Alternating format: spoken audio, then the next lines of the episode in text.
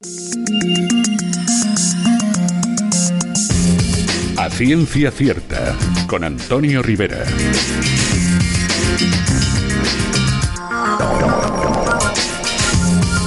Hola, ¿qué tal queridos amigos? Bienvenidos todos a una nueva edición de A Ciencia Cierta, donde ya sabéis que tenemos un buen rato por delante para hablar y disfrutar de la ciencia. Os habla como cada semana Antonio Rivera y antes de empezar recordar brevemente las redes sociales del programa donde podéis interactuar con nosotros. Ya sabéis que estamos en Twitter en arroba ciencia cierta guion bajo y también estamos en Facebook en A Ciencia Cierta con Antonio Rivera. Recordaros también que si queréis escuchar todos los programas que hemos emitido hasta el momento, lo tenéis que hacer a través de la página o la aplicación de iVoox. Ya sabéis, iVoox con dos OEs. Y como siempre, agradecer por su colaboración a la Unidad de Cultura Científica de la Universidad de Valencia y a la Fundación Española para Ciencia y Tecnología. Y sin más dilación, gracias por estar ahí una semana más y comenzamos.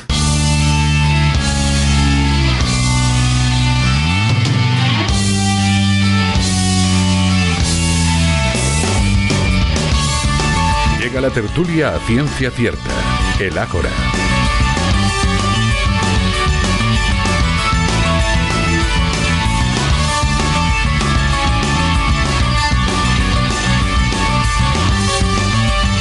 Sintonía del Ágora, sintonía de la tertulia aquí cada semana en A Ciencia Cierta y vamos rápidamente a saludar a los contertulios que me van a acompañar durante el programa de hoy. Y rápidamente comenzamos por David Ibáñez, doctor en física y profesor en EDEM. ¿Qué tal David? ¿Cómo estás? Hola Antonio, pues nada, fijaros, hoy para romper un poco la rutina voy a decir buenas tardes, porque estamos grabando de tarde, ni, ni buenos días ni buenas noches, buenas tardes. Pues fíjate, David, que yo, mm, además que está bien decir cuando estamos grabando, no pasa nada, ¿no? Pero eh, estaba yo diciendo, iba a decir buenos días o buenas noches y me he quedado callado. Y te he dicho, David, mm, y te he dado paso sin decir buenas, ¿no? Pero al final, ¿qué más da? Porque la gente nos oye a cualquier horario. Pues buenas tardes, David, ¿qué tal? ¿Cómo estás? Muy, muy bien, perfectamente. Hoy con un tema que ahora, ahora comentaremos. Pero te gusta, seguro, lo sé.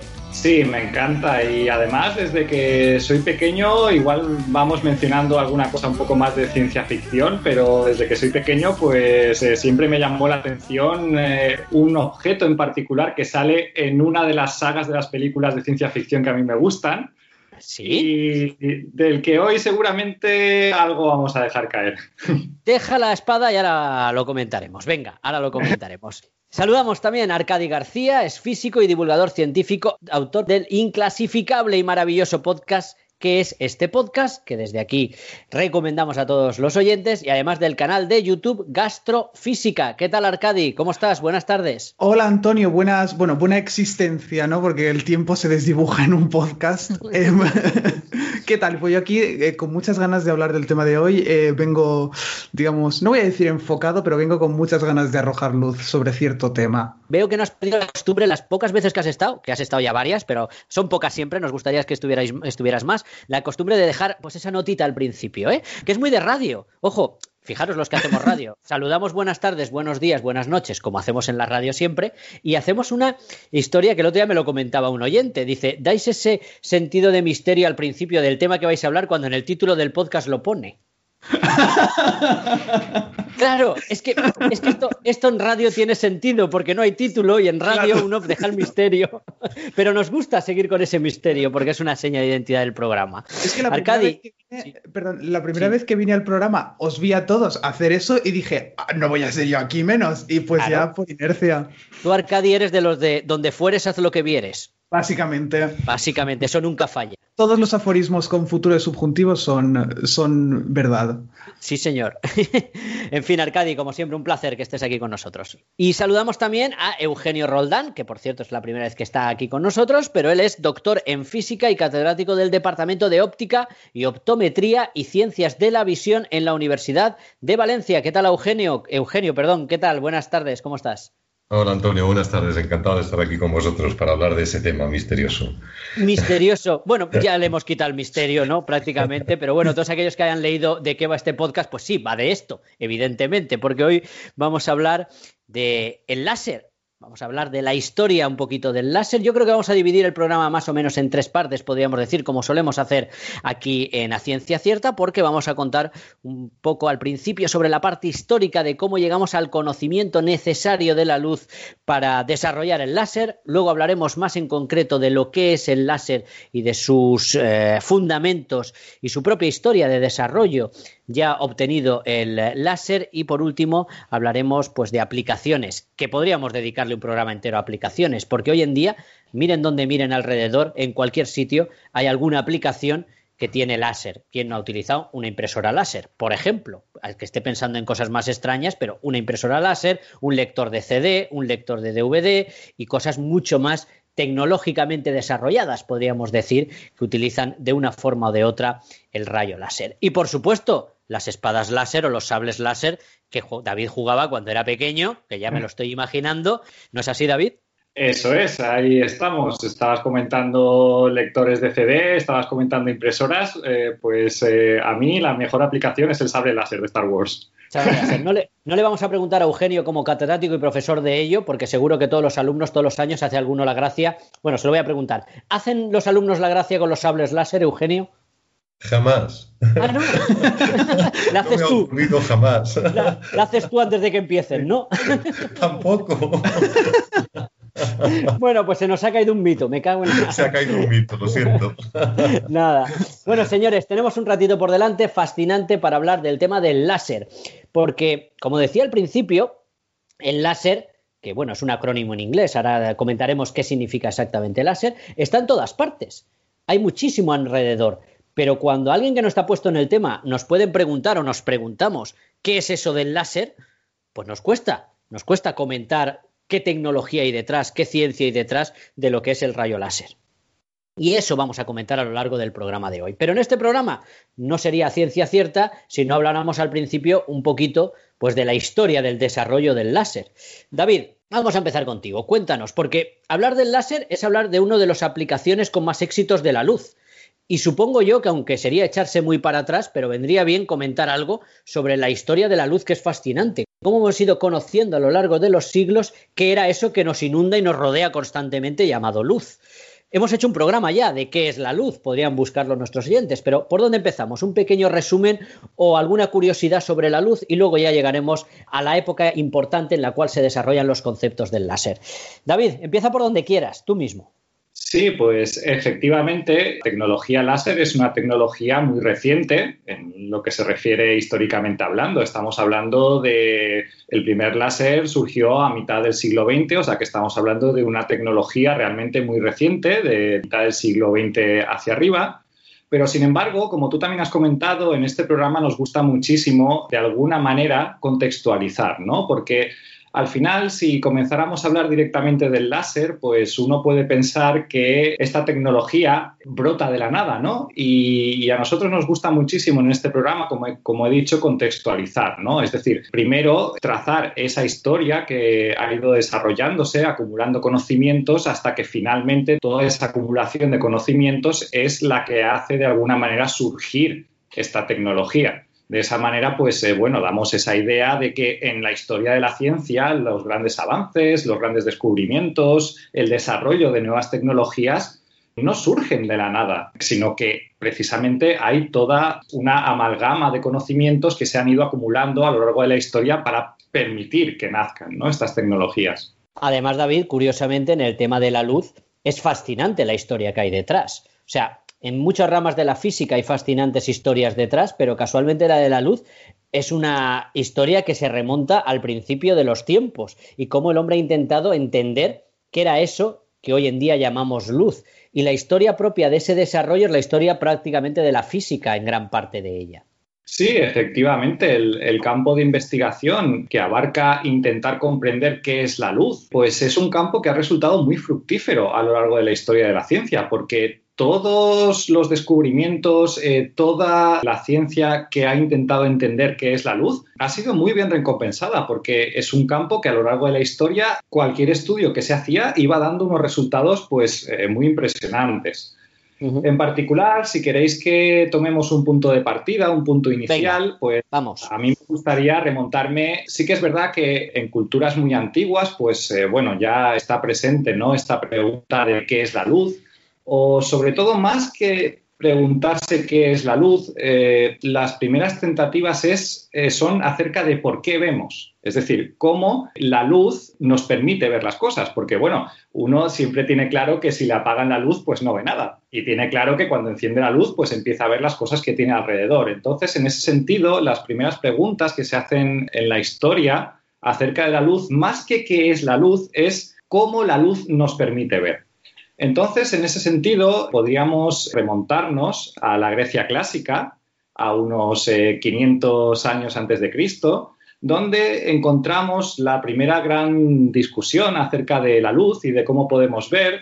Y en esta época histórica hay dos corrientes, una corriente que es la que se llama la corriente de la intromisión y otra corriente que es la que se llama la corriente de la extromisión, que lo que dicen es lo siguiente. Eh, por una parte, los defensores de la intromisión, pues nos encontramos a Leucipo, posteriormente Demócrito, os sonarán de la escuela atomista. y, correcto. Y defendían que precisamente el hecho de que podamos ver las cosas es porque desde los objetos, digamos, emiten algo y la emisión de ese algo es captada por nuestro ojo y asimilada. Por eso se llama intromisión la, digamos, la visión nos viene desde los objetos y nuestro ojo lo que hace es captarlas y asimilarlas. Muy bien. Y después, eh, por el contrario, tenemos la otra posibilidad, que es la teoría de la extromisión. En esta teoría, que es un poco rara, sobre todo si no nos ponemos en el contexto histórico, es una teoría en la cual pues, encontramos, por ejemplo, a Empédocles, que fue el máximo defensor de esta teoría,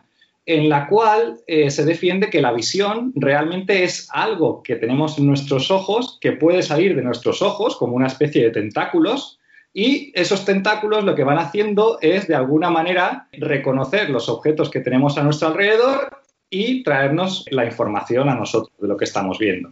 Como si fueran que nosotros tenemos unos rayos en los ojos que dan en los objetos y por eso los vemos. O sea, lanzamos nosotros esos rayos, ¿no? Eugenio. Es el rayo visual, como le llamaban. Claro. Arcadi.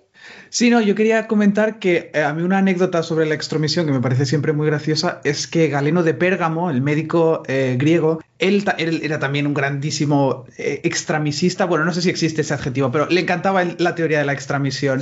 Y aparentemente se dedicó como a abrir un montón de ojos de cerdo y tal, y él estaba tan convencido de que nosotros teníamos esos rayos visuales que salían de nuestros ojos, que él al ver el nervio óptico dijo, ah, no, mira, aquí hay un agujero por donde salen, por donde salen los rayos. Y realmente el nervio óptico es una cosa, es un troncho, o sea, no hay ningún agujero ahí. Sí, sí. O sea, que irónicamente no vio eh, lo que tenía delante de sus ojos.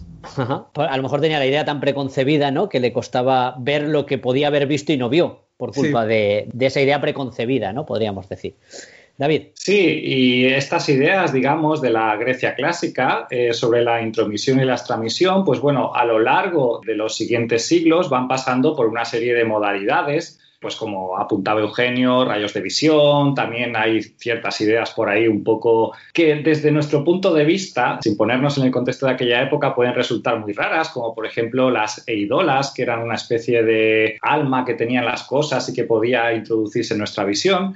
Sea como fuere, este tipo de, de ideas acerca de la intromisión y la extramisión pues van evolucionando a lo largo del tiempo y al final hay una, tendencia que sale claramente vencedora, que es precisamente la teoría de la intromisión la teoría de que los objetos de alguna manera están emitiendo algo que nuestro ojo puede captar, sea lo que sea ese algo que nuestro ojo puede captar. En este caso, Leucipo y Demócrito no solo se apuntaron a largo plazo el triunfo del atomismo, sino en este caso también de la intromisión, curiosamente. Sí, efectivamente. Iban a caballo ganador, ¿eh? Iban a caballo ganador estos señores. Bueno, damos un saltito, ¿no, David?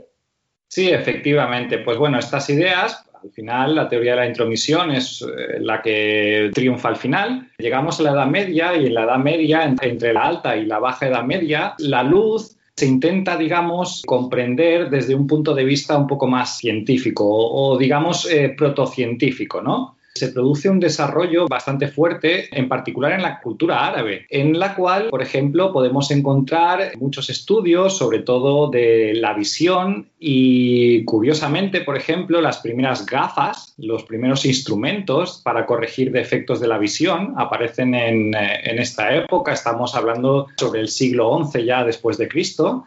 Y en particular hay una figura muy importante en la historia de la luz o en la historia de comprender la luz que es precisamente Alacén. Alacén es un, astrónomo que, eh, bueno, entre otras muchas cosas, tiene, por ejemplo, él diseñó una cámara oscura para poder ver eclipses y precisamente Alacén es el primero que, eh, de alguna manera, incorpora el concepto de rayo de luz. Es decir, así como eh, la teoría de la intromisión decía que los objetos emitían algo que nuestro ojo captaba, eh, pues ese algo, digamos, eh, va confluyendo en que se identifique ese algo que emiten los objetos con precisamente rayos de luz. Hablamos de, de la Edad Media en la cual siempre que queremos ver un gran desarrollo, tenemos que mirar casi siempre fuera de Europa, ¿no? Por ese oscurantismo que hubo durante esta época en Europa, pero tendemos ese eurocentrismo que tenemos instalado en muchas ocasiones, nos hacen no mirar lo que pasaba en otros lugares y el desarrollo que hubo en la época musulmana, ¿no? en ese esplendor musulmán en esa época fue muy importante. Eugenio, las aportaciones de Alacén fueron tremendas, ¿no? Sí, sí, sí, para mí es un héroe total. Eh, le llaman Alacén el físico en la cultura, en la cultura árabe, ¿no? y, realmente cuando uno lee los textos de Alacén es que se queda con la impresión de que está leyendo a un científico muy moderno. Eh, su forma de expresarse es muy clara, directa, es una persona muy interesante. Enseguida reniega de la autoridad, dice que no hay que aceptar ninguna autoridad de nadie, mucho menos religiosa. Y bueno, es un hombre que trabaja con su inteligencia y, lo hace muy bien. Además tiene, tiene una... Es muy curioso porque se conserva una autobiografía de, de Alacén, pero no sabemos casi nada de su vida. ¿Cómo es posible? Pues porque la autobiografía es intelectual únicamente. Eh, solo explica su desarrollo intelectual. La escribió ya cuando era muy mayor. Y sobre su vida en realidad se sabe muy poquito. Y hay muchas leyendas sobre Alacén. Venga, eh, cuéntanos alguna, cuéntanos alguna. Sí, hay una que, que si no Nevero de Ventrovato es una de estas historias preciosas, ¿no? Pues Alacén ya de joven era un sabio muy famoso en Siria. Y empezó a hacer correr la voz de que, en fin, podía resolver cualquier problema de, de ingeniería. Esto llegó a, los oídos del sultán de, Egipto, que enseguida le llamó, le contrató, y Alacén le dijo que él resolvía eso de las crecidas del Nilo, pero en fin, en un plis plas. Y, le financió el sultán. Alacén viajó por el Nilo hacia el sur y a medida que iba viajando y iba viendo las obras de los antiguos egipcios se iba dando cuenta de que se había pasado dos pueblos, no o tres, eso no lo iba a resolver él. Pero lo que estaba claro es que el sultán eh, no le podía decir que había fracasado, porque si fracasaba le mataba. Eh, entonces, cuando llegó ante el sultán, lo que hizo fue fingir locura. Anda, como en alguien voló sobre el nido del cuco, vamos, para entenderlo. Sí, sí, sí. Eh, eran muy respetados los locos en, ¿no? por los musulmanes, porque, en fin, quién sabe lo que Dios había puesto en esas cabezas, y simplemente le encerraron, le encerraron durante muchísimos años. Y fue durante esos años que pensó tanto en la óptica y cuando salió, escribió esos libros. Pero tuvo que esperar a la muerte del sultán, 20 años en la cárcel. Y, dejar de hacerse el loco después, ¿no? Supongo yo. Dice, ya estoy Claro, claro. Luego ya se dejó de hacer el loco, salió y, parece que el final de su vida lo pasó en. ganaba su, su sustento escribiendo copias del Corán y de los elementos de Euclides. Esas eran sus dos especialidades. De todas formas, Eugenio, aparte de esa anécdota espectacular y cosas de su vida, también a nivel eh, científico, el desarrollo que hizo, sobre todo en temas de la luz, fue muy importante, ¿no? Sí, es que en realidad él, es el primero que identifica la luz como el agente físico que provoca la visión. Decía David que la, la, teoría de la intromisión ganó la batalla, ¿no? En realidad tardó mucho tiempo en ganarla, incluso después de Alacén se enseñaba la teoría de la extromisión, porque era como lo más sensato. Los ojos tocan las cosas con sus medios, su rayo visual, igual que las manos tocan. Y, tardó mucho lo de la intromisión. Y Alacén fue el gran campeón que dio una cantidad de argumentos incontestables. ¿no? Después de Alacén ya era difícil eh, no ser intromisionista. Y bueno, se fijó en cómo, cómo la luz afectaba la visión, que hay ilusiones visuales, que nuestros ojos no nos dicen necesariamente la verdad, abre el campo de la óptica fisiológica. Eh, razona mucho sobre el fenómeno de la reflexión y la refracción. En fin, es muy, muy interesante y muy potente. Y además utilizó la experimentación algo importante en, esa ciencia todavía o protociencia, podríamos decir, pero que ya eran científicos muchos de ellos en la forma de actuar. No hay que esperar a la revolución científica para ver cuestiones científicas como en este caso, porque él hacía experimentación, o sea, se metía en una cámara oscura, creaba una cámara oscura y hacía experimentos visuales, ¿no? Efectivamente, sí. Lo de la cámara oscura es muy espectacular, lo ha mencionado David. Eh, en fin, además es que es un experimento muy espectacular. Meterse en una cámara oscura, hacer un agujero en una pared y presenciar cómo en la pared opuesta se ve el mundo que hay fuera. Es una cosa muy sorprendente. Y él diseñó experimentos muy inteligentes con varias lámparas para demostrar que unos rayos no, no afectan a otros rayos, que la propagación es rectilínea, en fin. Eh, es, muy brillante, ya, ya os digo, es un placer leerlo. sí. De hecho, Eugenio daba hasta para un programa entero a la lo trataremos otro día, trataremos algunas otras cosas para no parar más, pero sin duda valió la pena poner un poco el punto muerto y recordar y sobre todo reivindicar la figura de uno de los grandes quizás olvidados en la cultura científica más europea, podríamos decir. Es conocido el nombre de Alacén, pero hizo muchísimas más cosas en una época que creemos que nunca se hizo nada. Por eso a lo mejor tiene más mérito. Así es, sí. Bien, continuamos. David, brevemente, cuéntanos alguna cosita más de esta época o, digamos, de este desarrollo de los hitos más importantes. Vamos a centrarnos en los hitos más importantes de la forma más sencilla y tranquila, porque ya digo, tenemos un programa en el que desarrollamos todo esto de la luz, pero para que vean los oyentes cómo el desarrollo de el qué es la luz, responder a esta pregunta es prácticamente la historia de la ciencia de una forma o de otra y es fascinante. Nos habíamos quedado en esta época de Alacén, de la cultura árabe, ¿Vamos a Europa o contamos algo más? Lo que tú quieras, David, adelante. Sí, me vais a permitir dar un pequeño salto y nos vamos a iniciar en, el periodo en el cual la revolución científica ya está en ebullición y en particular yo creo que eh, cabe mencionar tres figuras muy importantes. Eh, la primera de ellas es Snell, la segunda es Descartes y la tercera es eh, Fermat. En estos inicios de la revolución científica, gracias al estudio sobre todo de lo que llamamos la reflexión y la refracción de la luz, es decir, la luz cuando se refleja o la luz cuando pasa a otro medio material, que es la refracción, pues digamos de alguna manera comenzamos a poder matematizar estos fenómenos. Pues por ejemplo, con la ley de Snell, que sí que se conocían versiones de la ley de Snell precisamente de la época de Alacén, de toda esta cultura árabe, pero todavía no se había dado ese salto, ¿no? De formularlo en una expresión matemática.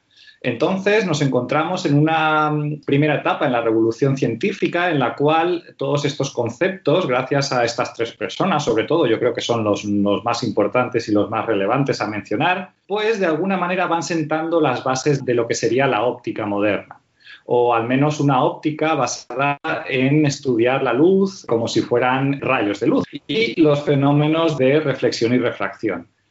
Y aquí, si damos un pequeñito salto, es decir, no nos vamos a ir muy, muy hacia adelante, eh, aparece, yo creo, una de las batallas más épicas de la, de la historia de la ciencia. Pasamos de la batalla de la intromisión a la extramisión a otra que tela. Venga, adelante.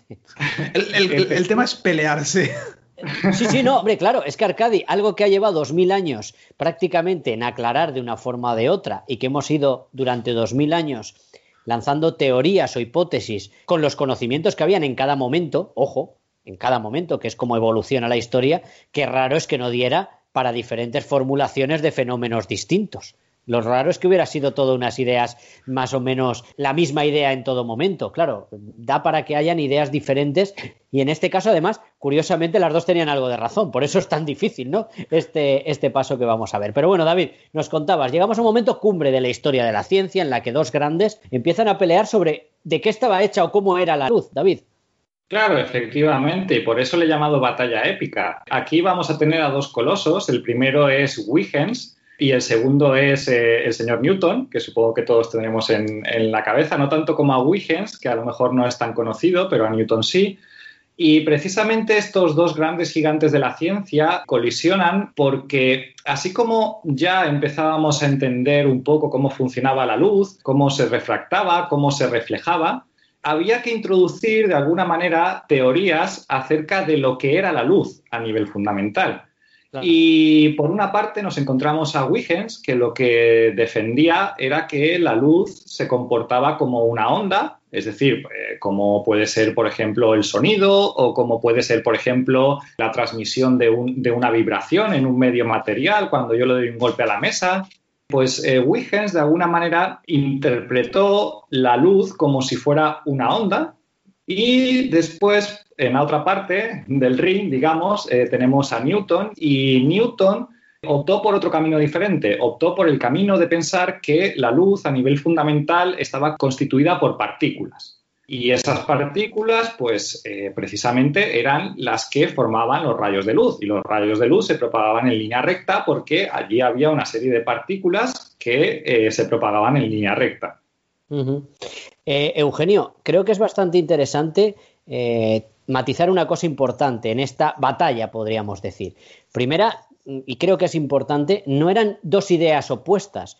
Ideas como tales, me explico. O sea, aquí había un fundamento experimental detrás de cada una de ellas. No era que uno tenía una idea como mm, hablábamos de intromisión, extramisión, que era más o menos ideas de pensamiento, podríamos decir. Aquí, tanto uno como otro avalaban ese conocimiento con experimentos detrás, lo cual era todavía más épico, ¿no? Por así decir, si yo tengo razón con estos experimentos, pues estos dicen que es una onda, pues estos dicen que es una partícula.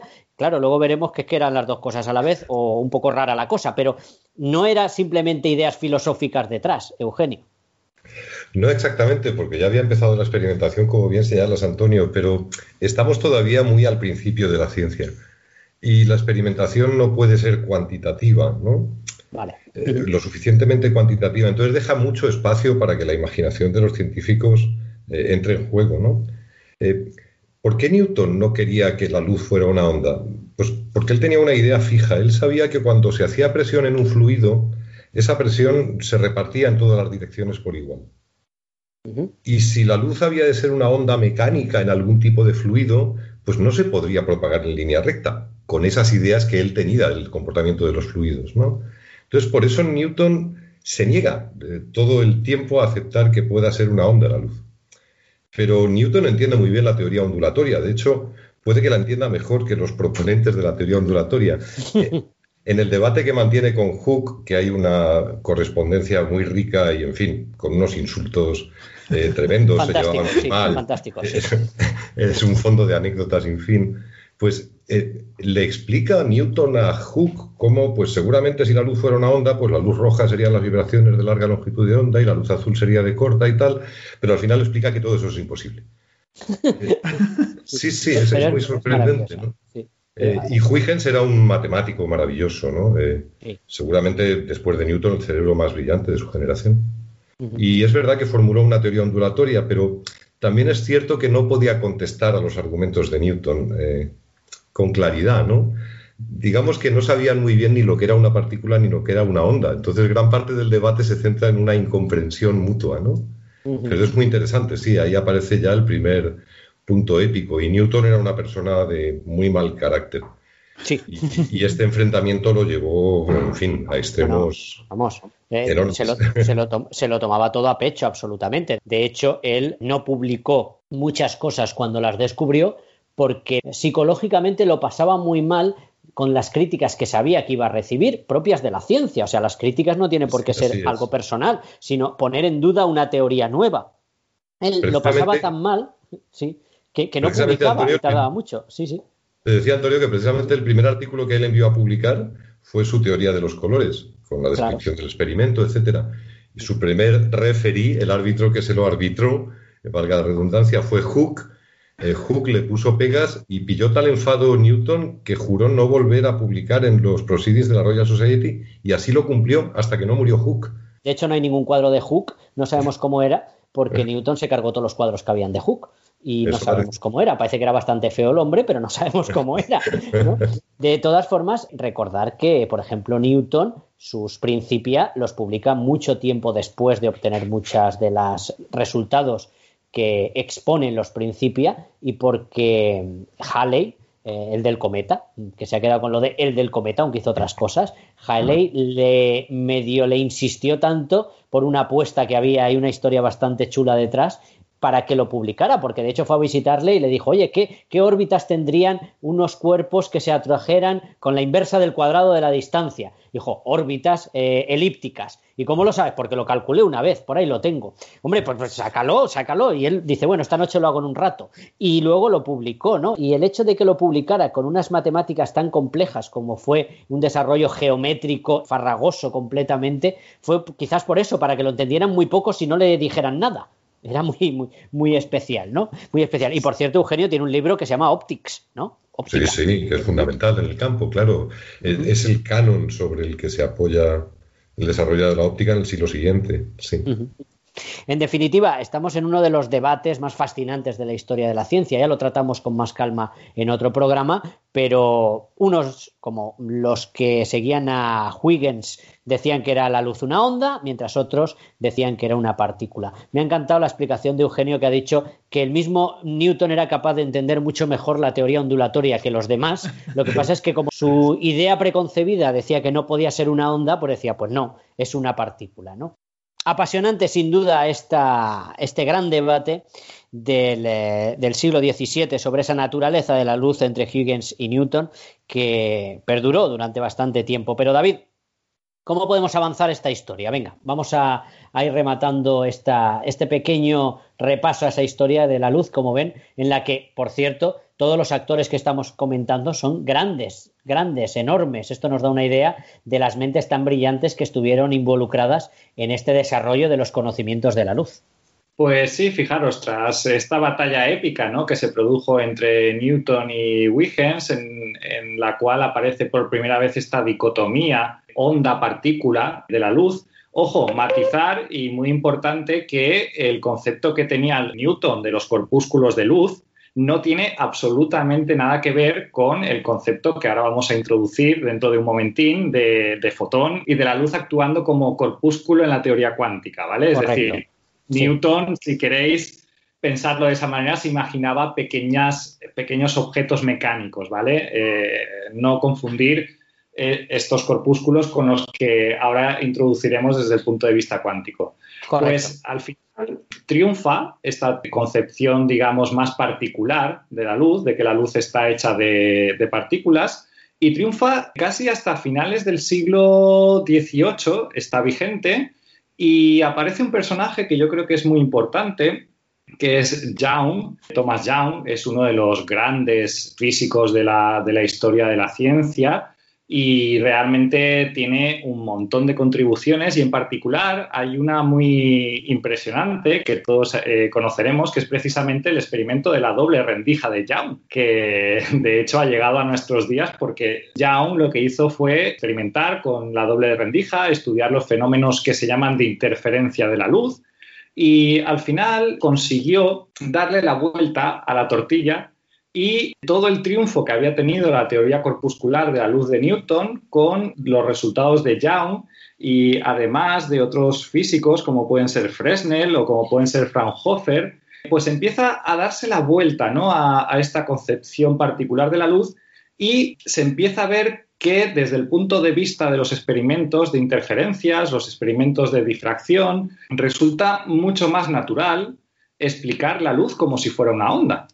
Es decir, porque la luz explicada como partículas, como rayos de partículas, eh, no podían explicar todos estos fenómenos de interferencias y de difracción que se estaban empezando a ver a finales del siglo XVIII, principios del siglo XIX. Digamos que conforme se iban a descubriendo o estudiando fenómenos distintos, pues iba la balanza desviándose hacia un lado u otro, ¿no? Efectivamente. Y claro, el inicio del siglo XIX precisamente está marcado porque la comunidad científica empieza a olvidarse de la teoría de Newton corpuscular de la luz y empieza a incorporar y empieza a explicar los fenómenos eh, de la luz o a explicar la luz en sí como si fuera una onda.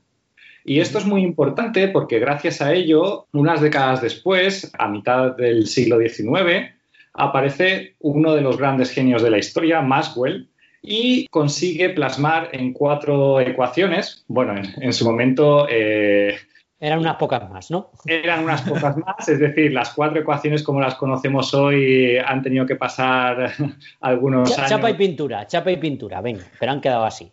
Eso es. Y al final Maxwell lo que consigue es, de alguna manera, crear un puente entre lo que es la luz y lo que es el electromagnetismo. Maxwell lo que consigue es precisamente dar una explicación de la luz eh, diciendo que la luz es una onda electromagnética.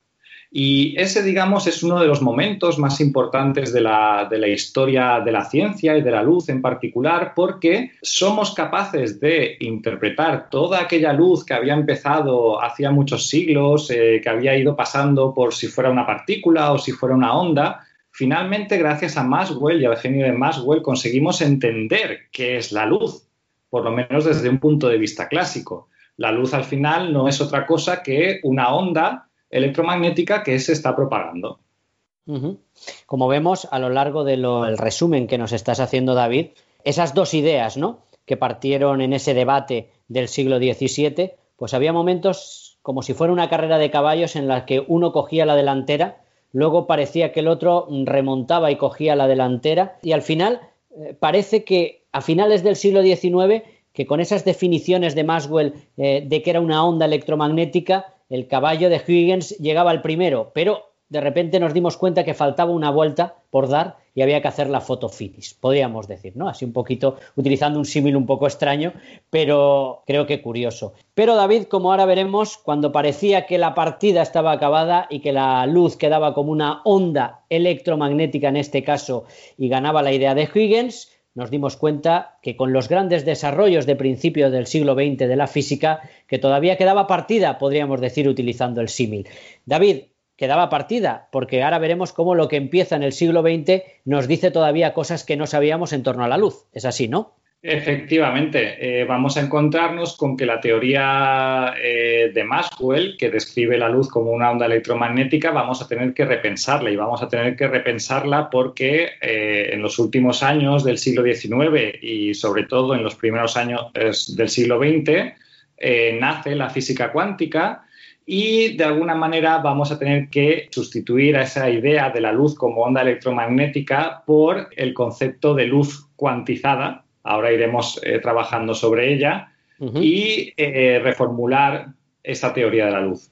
Y en esa teoría de la luz y lo que aprendemos a partir de ese concepto de la teoría cuántica de la luz nos va a permitir entender cómo funciona y el concepto de los láser. Así que ahora volvemos aquí en la ciencia cierta, vamos a hacer una breve pausa y nos metemos ya de lleno en el siglo XX, en esos conocimientos de la luz del siglo XX y en cómo surge esa idea de lo que es el láser. Ahora volvemos.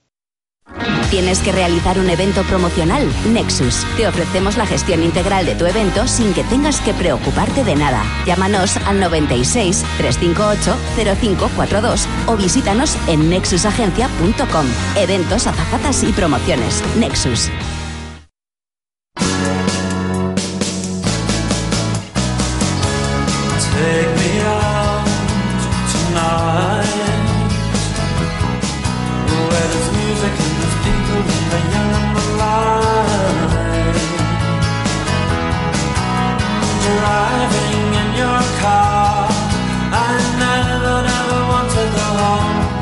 Cause I haven't got one anymore.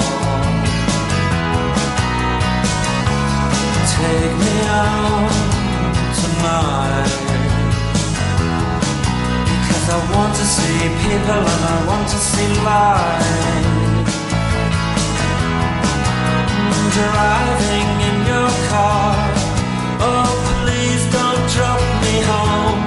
Cause it's not my home, it's their home and I'm welcome no more.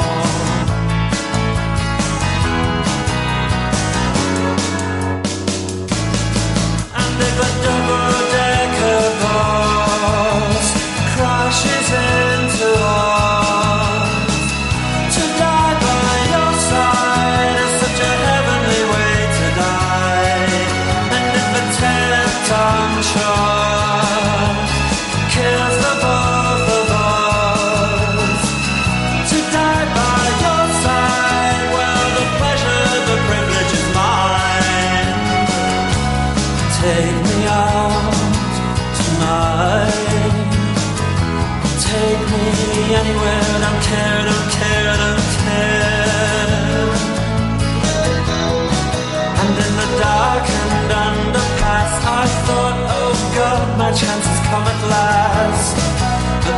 strange fear gripped me and I just couldn't ask.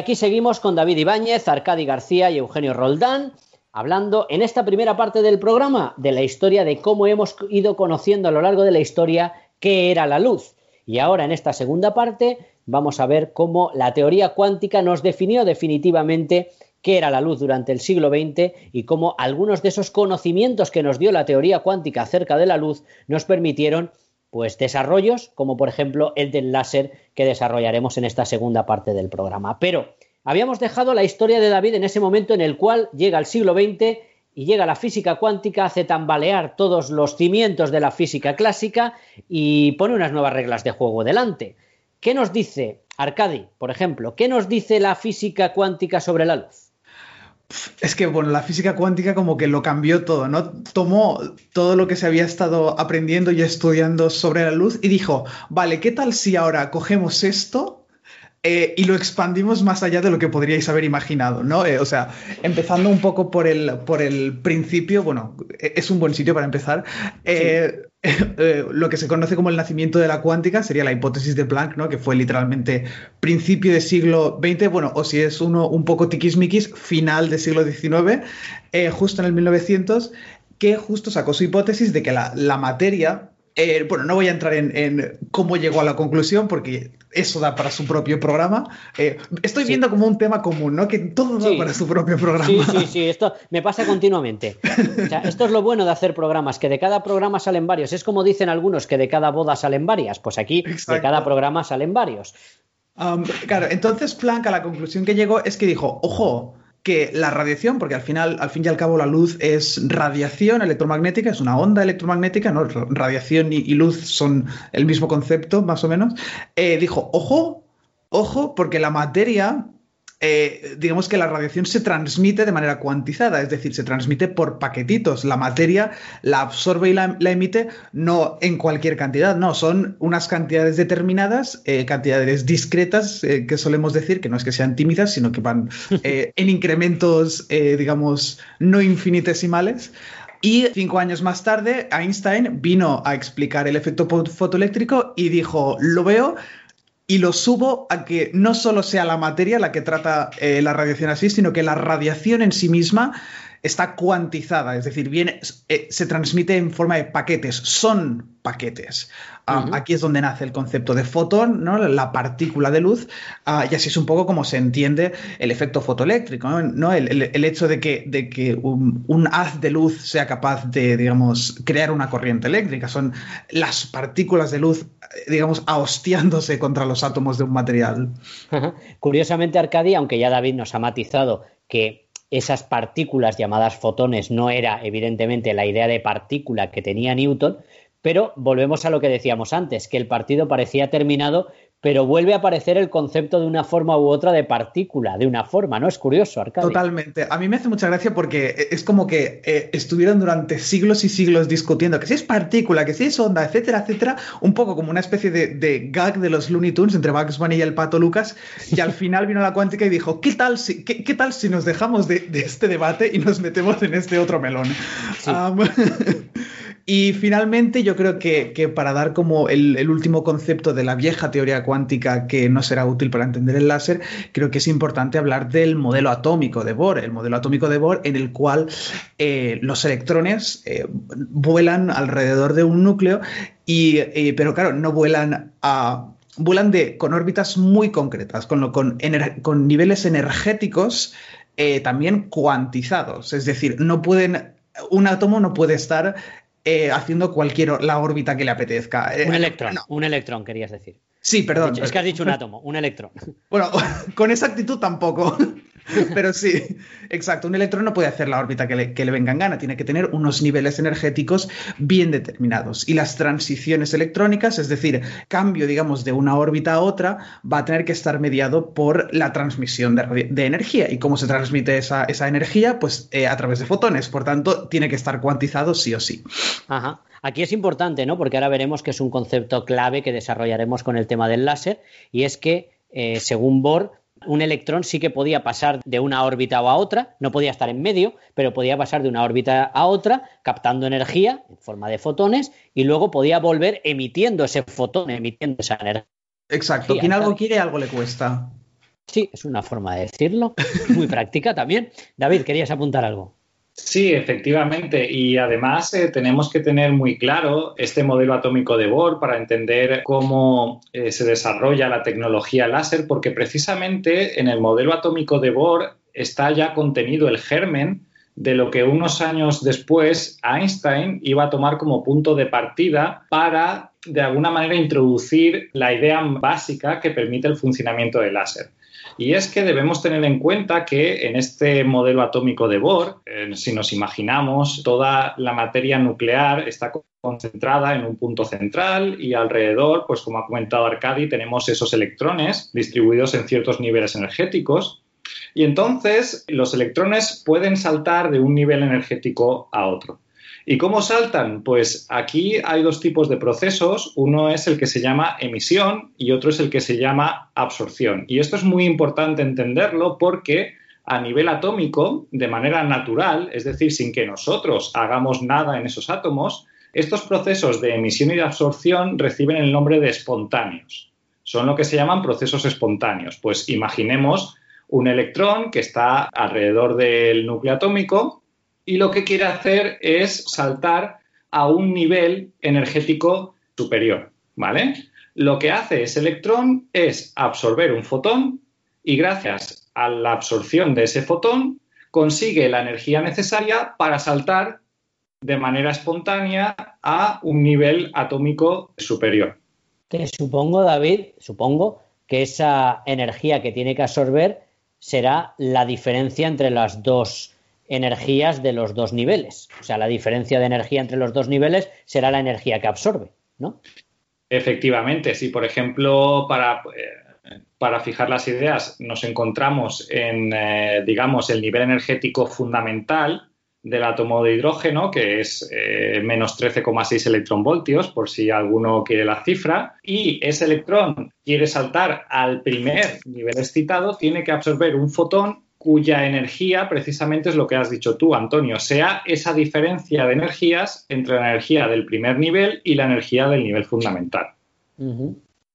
Entonces, David, supongo que cuando vuelve a emitir esa cantidad de energía, bajará al nivel energético en el cual se encontraba al principio. Sí, efectivamente, ese es el proceso contrario. Si para subir a un nivel energético superior tiene que absorber un fotón, para bajar de un nivel de energético superior a un inferior, lo que tiene que hacer es emitir un fotón.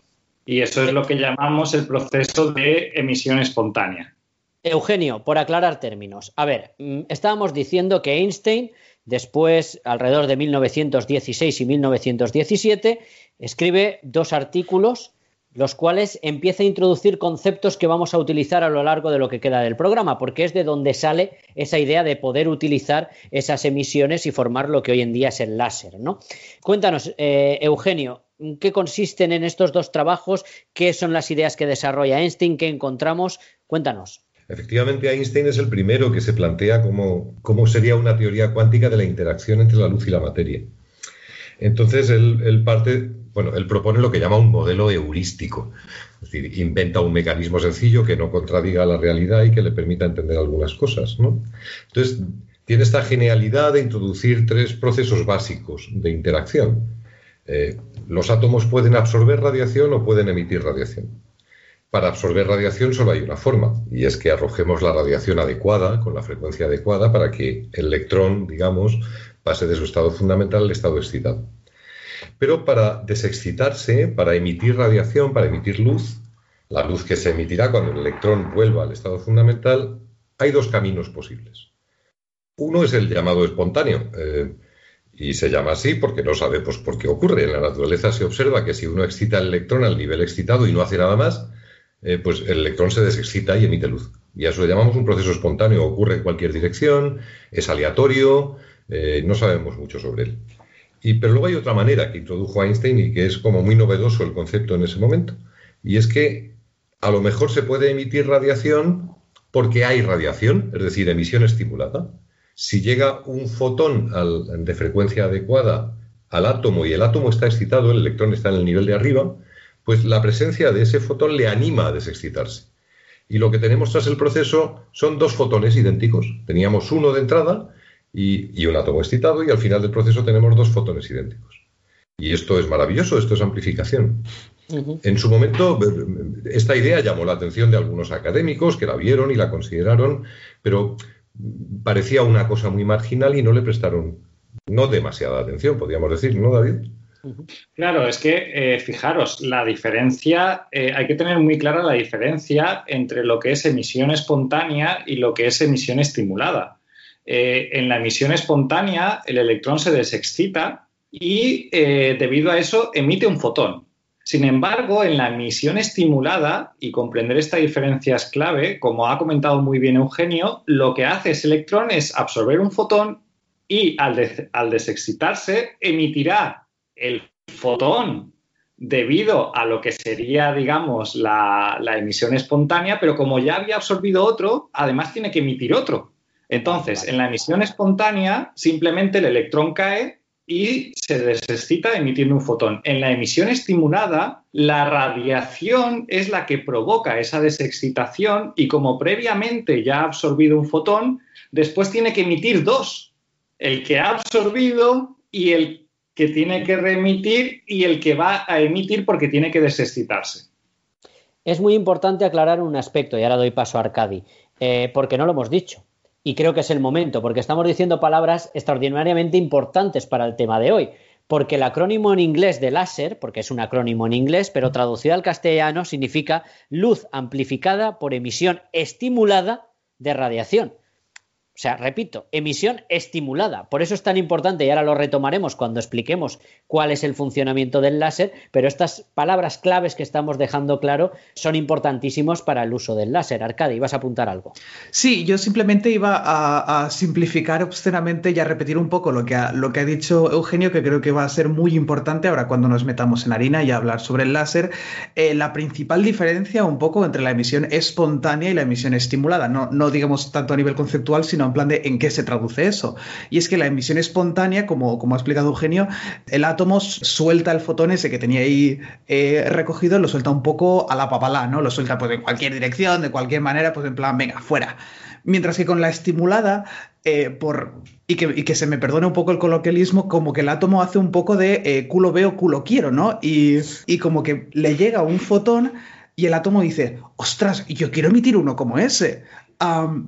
Y entonces la, la radiación que resulta de esa emisión estimulada va, eh, va a venir determinado precisamente en tanto en dirección como en, en fase, digamos, eh, en estado de oscilación por la radiación que le ha llegado. Y eso va a ser muy importante ahora cuando hablemos de láseres y de, de movidas más avanzadas. Ahora nos meteremos en eso, pero creo que había algún otro término o concepto que queríamos dejar claro en este momento y que es importante para el resto del programa.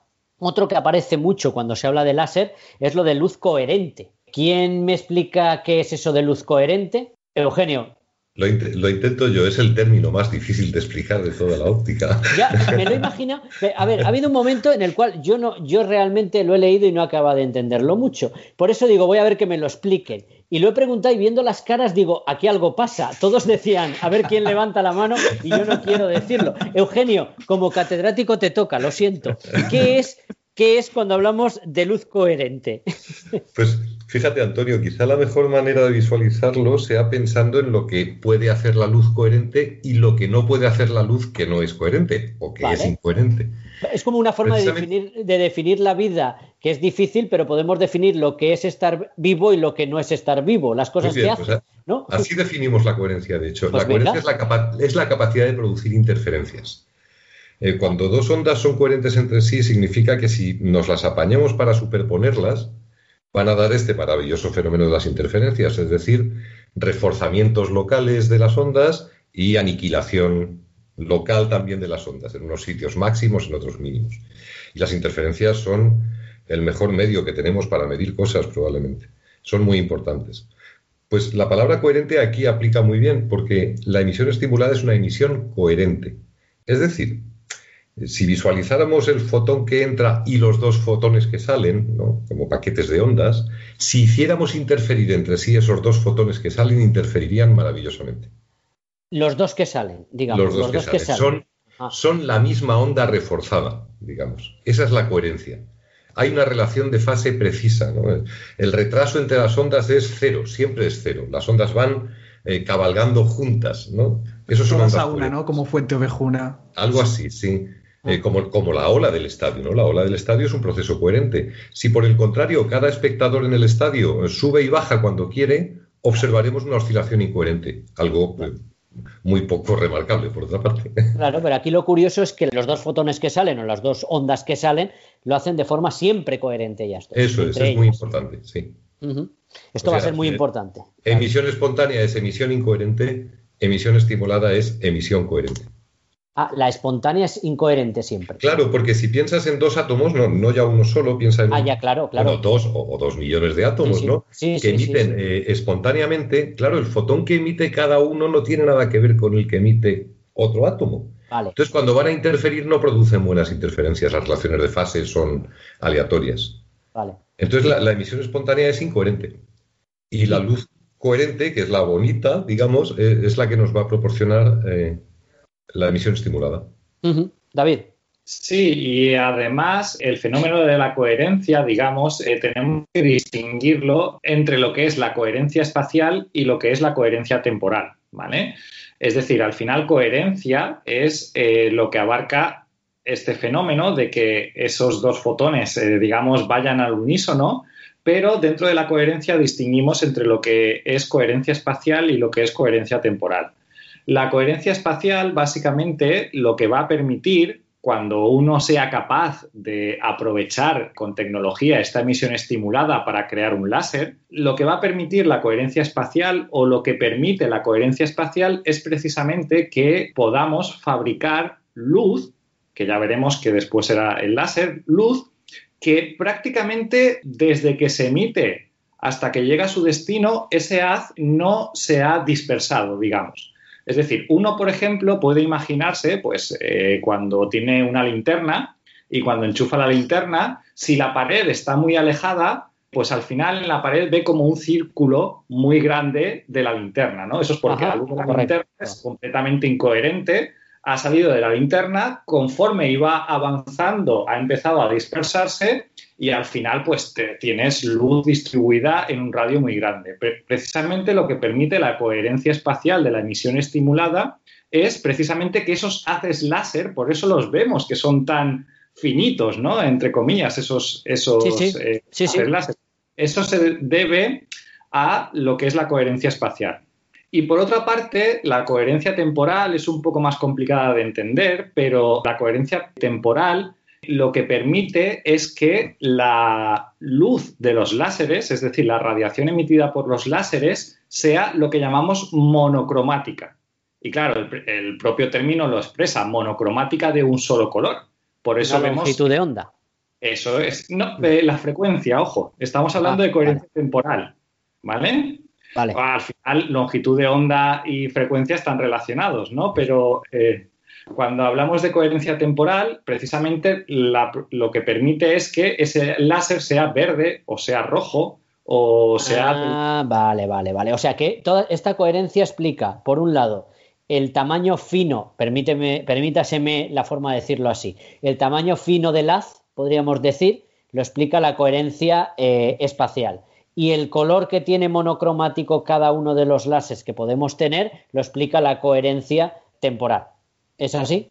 Sí, así es. Pero para la coherencia espacial aún tendremos que hacer la cavidad láser, aún hemos de construir el láser para que esto aparezca, ¿no? Vale, vale, vale. Ahora nos meteremos ¿no? en el desarrollo del láser, pero Claro, claro. digamos que lo que Einstein dijo no es así se fabrica un láser, evidentemente. Einstein No, no, lo que dijo absoluto, fue, claro. Eugenio, Einstein lo que dijo fue estas particularidades o estas características las podemos encontrar en la luz.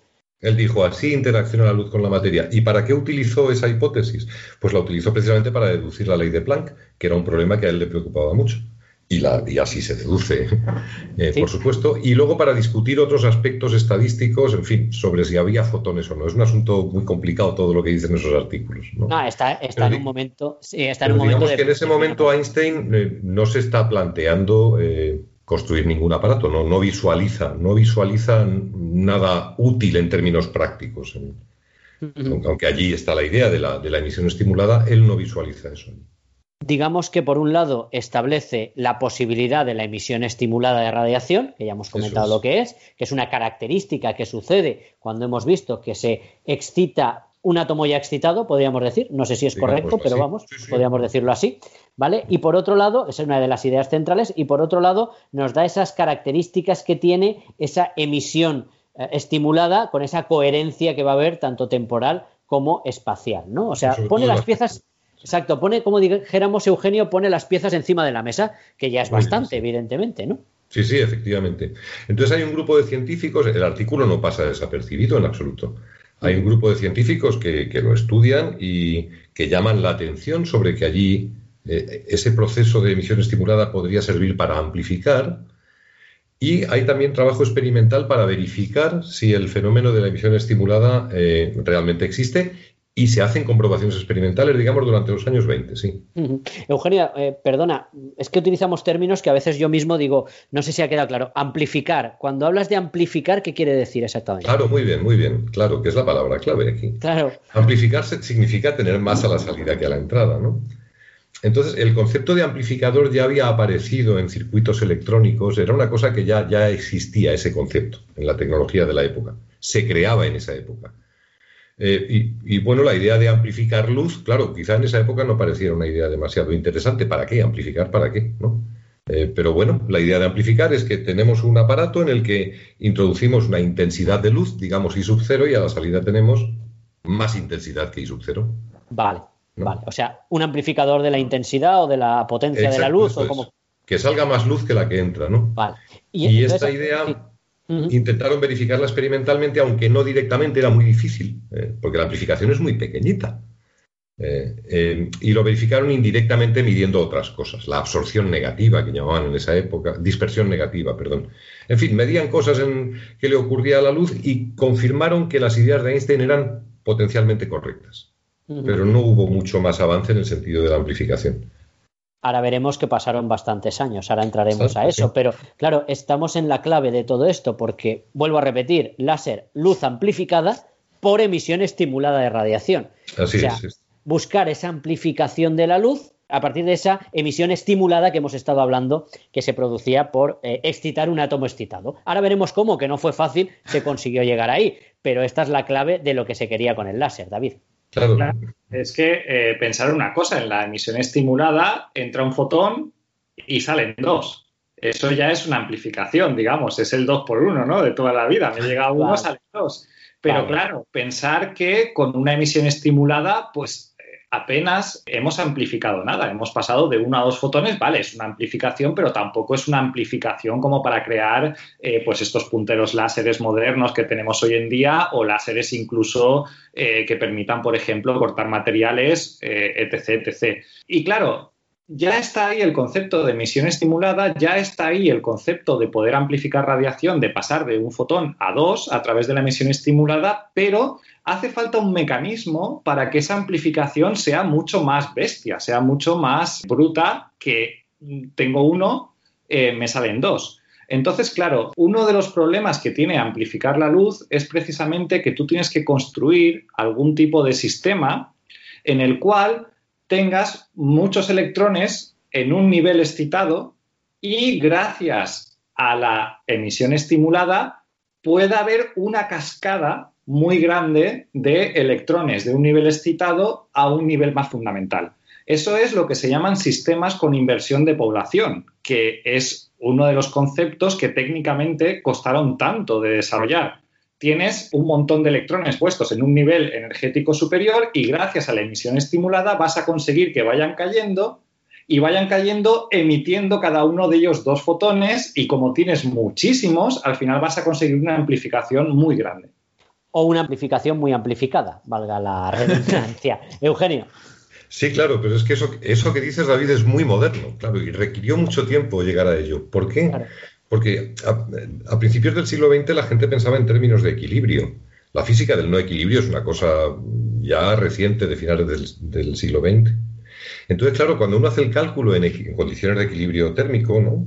Eh, ¿Cuántos electrones están excitados y cuántos están desexcitados? Uno enseguida se deprime. Ve que apenas hay ningún eh, electrón que esté excitado. Entonces, la posibilidad de amplificación parece completamente marginal. Entonces, claro, cuando los físicos de esa época hicieron esos cálculos, dijeron, bueno, esto no vale para nada, ¿no? Supongo, ¿no? Entonces, hubo, hubo que dar una vuelta de tuerca y no pensar en un amplificador, sino en un amplificador reforzado, en el que la amplificación devenga efectivamente exponencial, ¿no? Y eso requiere el concepto de oscilador, de poner espejos, que ahora seguiremos con ello. Y eso se le ocurrió a Charles Towns una mañana mientras esperaba entrar a una reunión con los militares. Eso ocurrió un día preciso, con fecha, es una de esas ideas brillantes que ocurren en un momento. Varias personas habían hecho patentes sobre amplificación cuando a Towns se le ocurrió la primera idea del máster, pero todos hablaban de amplificadores. Eh. Es, es Towns el primero que se da cuenta de que puede introducir el oscilador, es decir, un amplificador que está metido dentro de una cavidad resonante Ajá. que es una idea que viene de la física del radar, en la que él trabajó mientras hacía investigación durante la guerra. Y por eso a lo mejor estaba esperando para hablar con los militares, por algo relacionado. Estaba en proyectos de radar, él llevaba Claro. proyectos de radar y, quería abandonar esa línea y se le ocurrió esta nueva idea. Quizá puedo hacer osciladores de ondas de radio a longitudes de onda más cortas, que era lo que querían, con un nuevo mecanismo y juntó todas estas ideas. Todo esto, Eugenio, a la larga explica dos cosas. Una, por un lado, cómo se tardó tanto tiempo en desarrollar el láser, propiamente dicho, cuando las piezas que habíamos comentado estaban encima de la mesa pues 30 o 40 años antes. Tardó mucho en desarrollarse, ¿no? Y quizás es debido a eso que me decías ahora, de la dificultad que creían los propios científicos de poder utilizar o conseguir esa amplificación hasta puntos que fuera utilizable, ¿no, Eugenio? Sin duda requirió un cambio conceptual, o sea, si algo no ha ocurrido antes eh, y nos parecía que era posible es porque no era posible, sin duda, ¿no? Y, y probablemente era una ceguera eh, debida a qué busca uno cuando estudia estas cosas, ¿no? Eh, la guerra mundial cambió mucho los objetivos y la forma de pensar y las tecnologías. En particular, eh, la tecnología de microondas se desarrolló extraordinariamente durante la guerra mundial. Sí. Se suele decir que se gastó mucho dinero en el proyecto Manhattan para la, la bomba atómica. no se dice tan a menudo que se gastó aún más dinero en el proyecto Radar.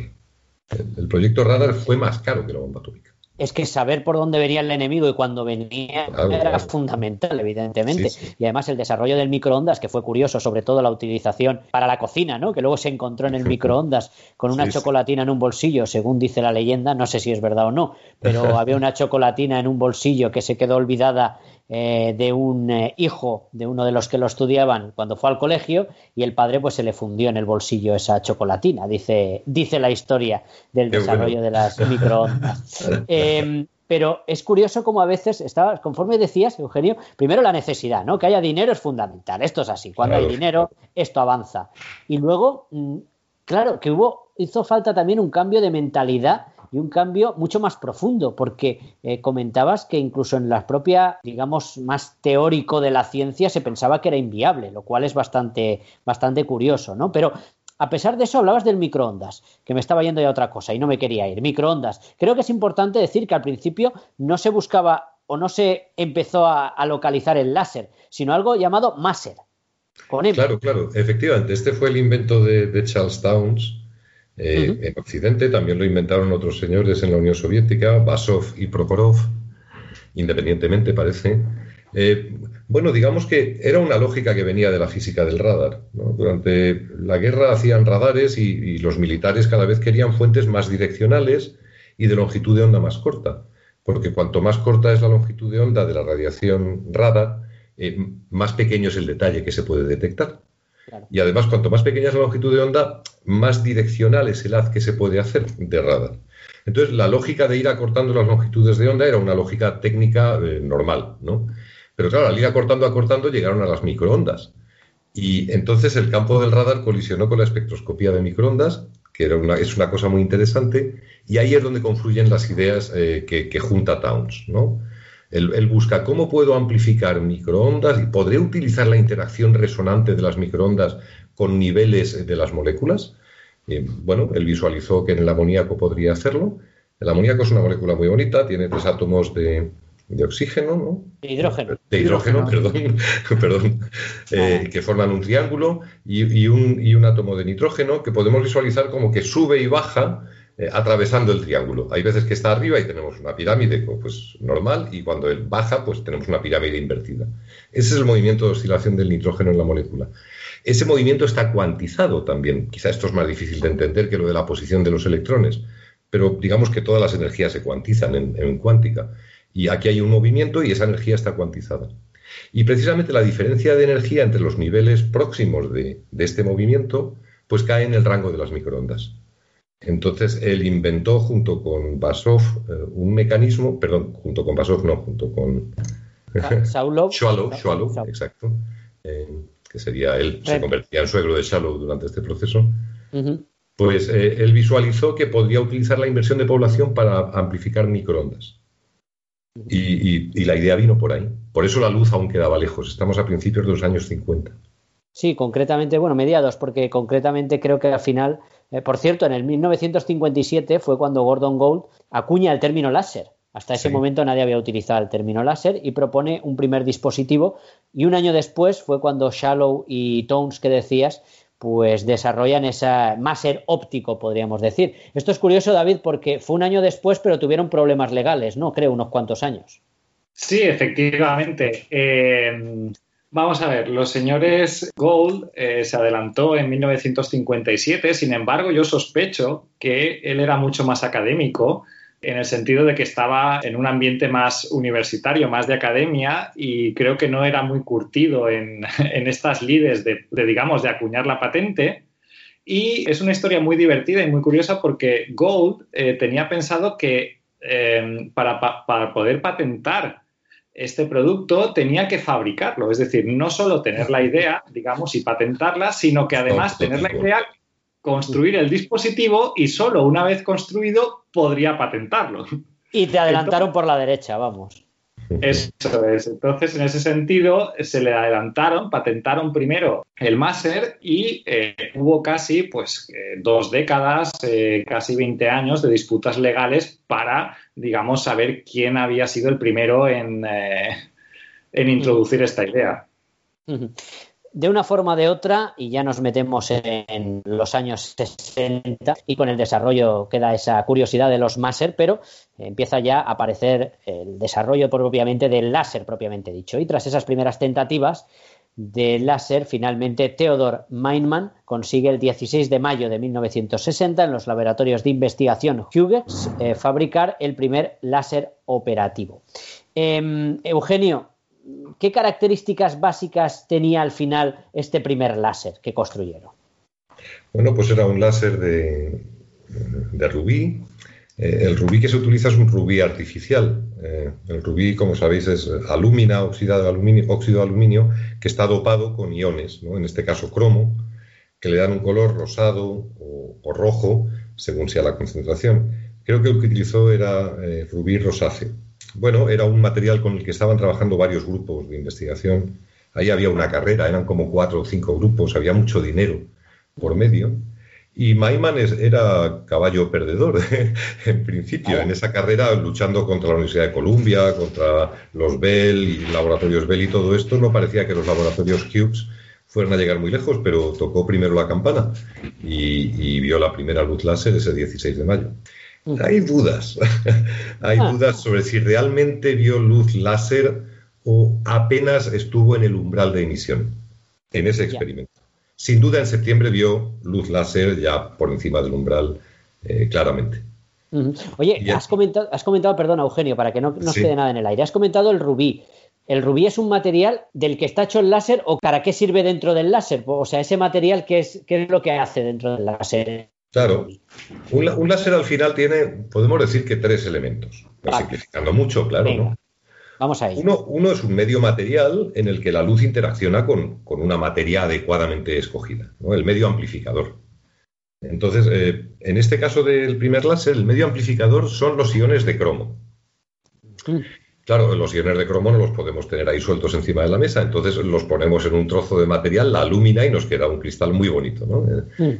La alúmina diríamos que es el host en inglés, ¿no? el host medium, y el cromo es realmente el medio bien, el pues cromo ahora- va a ser entonces, perdona Eugenio, el cromo Sí. sería entonces átomos, cuales los electrones van a excitarse y... Efectivamente, son los Vale. electrones del cromo que saltan entre ciertos niveles que ahora Vale, no vale. recuerdo exactamente cuáles de, Sí, de sí. esa molécula, ¿no? Muy bien. Eh, luego, claro, eh, nosotros tenemos que favorecer la emisión estimulada. Ya hemos mencionado que hay que tener inversión de población, que es algo que está fuera del equilibrio térmico. ¿no? Entonces, hay que echar mucha luz sobre ese cromo para que los electrones pasen no al nivel superior láser, sino a otro nivel que está más arriba todavía. Eh, un nivel que nos va a ser instrumental, digamos. Vale. Tenemos que distinguir tres niveles. Partimos del fundamental, digámosle cero, y ahora subimos hasta un nivel 2, que está con una energía relativamente alta. Luego hemos escogido ese nivel 2 de manera que de forma natural decae por emisión espontánea a un nivel 1. Y ese nivel 1 tiene las propiedades de que cuando el electrón está allí se queda muchísimo tiempo. Es un nivel metaestable. Vale, vale, vale. Entonces, eh, ¿qué hace el mecanismo de bombeo? El mecanismo de bombeo coge los electrones que están en el estado fundamental y los sube indirectamente hasta el nivel superior láser. Es, ne- es necesario que sea indirecto, en fin, eh, quizás un detalle menor. Es un detalle muy importante. Con solo dos niveles no se puede hacer un láser. Hacen falta tres o cuatro niveles, por lo menos. Sí. Pero es, es una especie de mecanismo embudo. Es para garantizar que se consigue la inversión de población. Claro, lo que pienso yo, Eugenio, es que, claro, es esta forma de subirlo por encima del nivel en el cual se va a quedar luego esperando a que sea otra vez excitado, es algo que se necesita porque si tú excitas los electrones de un átomo, rápidamente vuelven al nivel eh, Es así, es original, así. ¿no? Si trabajamos solo con dos niveles, fíjate, hemos dicho que había una forma de subir, que era por absorción estimulada, y dos formas de bajar, por emisión estimulada y por emisión espontánea. Entonces, es imposible que dando patadas de abajo a arriba consigamos tener más arriba que abajo. Tiene que entrar un tercer actor, ¿no? un tercer nivel. Bueno, pues el mecanismo de bombeo es el segundo elemento del láser, es el que hace que se produzca la inversión de población. Ajá. Y luego necesitamos el resonador o el oscilador o la cavidad óptica. Todo esto son eh, sinónimos. ¿no? Al final, la- la- su manifestación más sencilla son dos espejos, uno enfrentado al otro. Que es muy intuitivo lo que hacen. Fíjate, imagínate que consigues una amplificación de un 1 por millón, ¿vale? La luz que entra por un extremo del medio amplificador, a su salida es un 1 por millón más intensa. Y dices, uy, la he amplificado, pero qué poco, ¿no? Entonces, ¿qué puedes hacer para conseguir una amplificación mayor? Es, ah, pues coger un medio material un millón de veces más largo. Es, uy, Vale. sería muy caro. No, pongámosle un espejo a cada extremo. Y que vaya Si y los vuelva. espejos, claro, harán que la luz lo atraviese una y otra vez. Entonces, el papel de los espejos principal es la retroalimentación del proceso. Y esto hace que haya una ganancia realmente explosiva. Ajá. Esa fue la idea que tuvo Towns ese día luminoso. ¿no? Sí, o sea, que la idea que Los decías espejos. de la idea del- de aquella previa de la reunión con los eh, Exacto, militares de Towns fue exactamente esa, o sea, el utilizar espejos para acortar, digamos, el espacio necesario para que se produjera todo esto, ¿no? Utilizar los espejos para que fueran y volvieran y fuera como si fuera mucho más grande, ¿no? Eso es, así aumentar la ganancia de forma, eh, en fin, enorme. Y por ejemplo, en los, claro, supongo que hoy en día, y ahora iremos luego, evidentemente, a las aplicaciones actuales, nada tiene que ver los láseres de hoy en día con estos primeros láseres que estamos hablando. ¿Qué amplificaciones se conseguían en aquel momento? ¿O qué, no sé, en qué se mide esa amplificación? ¿Se mide en intensidad? ¿Se mide en potencia? ¿O cómo la medís? ¿O cómo se suele Claro, hablar? eso es una muy buena pregunta. ¿Qué queremos de un láser? ¿no? Claro. Fíjate, al, al principio buscaban intensidad, ¿no? Eh, potencia. Y como no tenían unidades adecuadas de medida, eh, porque no tenían detectores adecuados, utilizaban eh, como unidad de medida la, la cuchilla de afeitar Gillette. Anda. Y era cuántas atravesaba el haz. Ostras, vale, vale, vale, vale, vale. Estaba pensando en otra cosa. Sí, sí. Vale, vale, vale. O sea, un, un láser de tres gilets o de cuatro o gilets. sea ¿no? se, mide- se medían gilets. Sí, en los primeros días. Sí, sí, no sí, tenían otra no, no, forma de bueno. medir. Bueno, es, es su curiosidad, es una cosa. Es una. Hoy en día que se llevan tanto los libros de curiosidades, ahí hay un título sí. para un libro. Los americanos, con tal de no usar el sistema internacional de medida, usan las unidades que haga falta. ¿eh? Cualquier cosa. Magnífico, sí. Entonces, sigue, sigue, Eugenio. Al principio buscaban claro, eso, eh. buscar intensidad o potencia, ¿no? Directamente, amplificar, tal cual. Claro, al, al principio se buscaba intensidad o potencia, pero enseguida se dieron cuenta de que podían buscar muchas más cosas. Esto fue quizá una gran sorpresa, ¿no? Claro, tú tienes un láser y cuando haces funcionar el láser y ves cómo emite, no emite tan bonito como dice la teoría.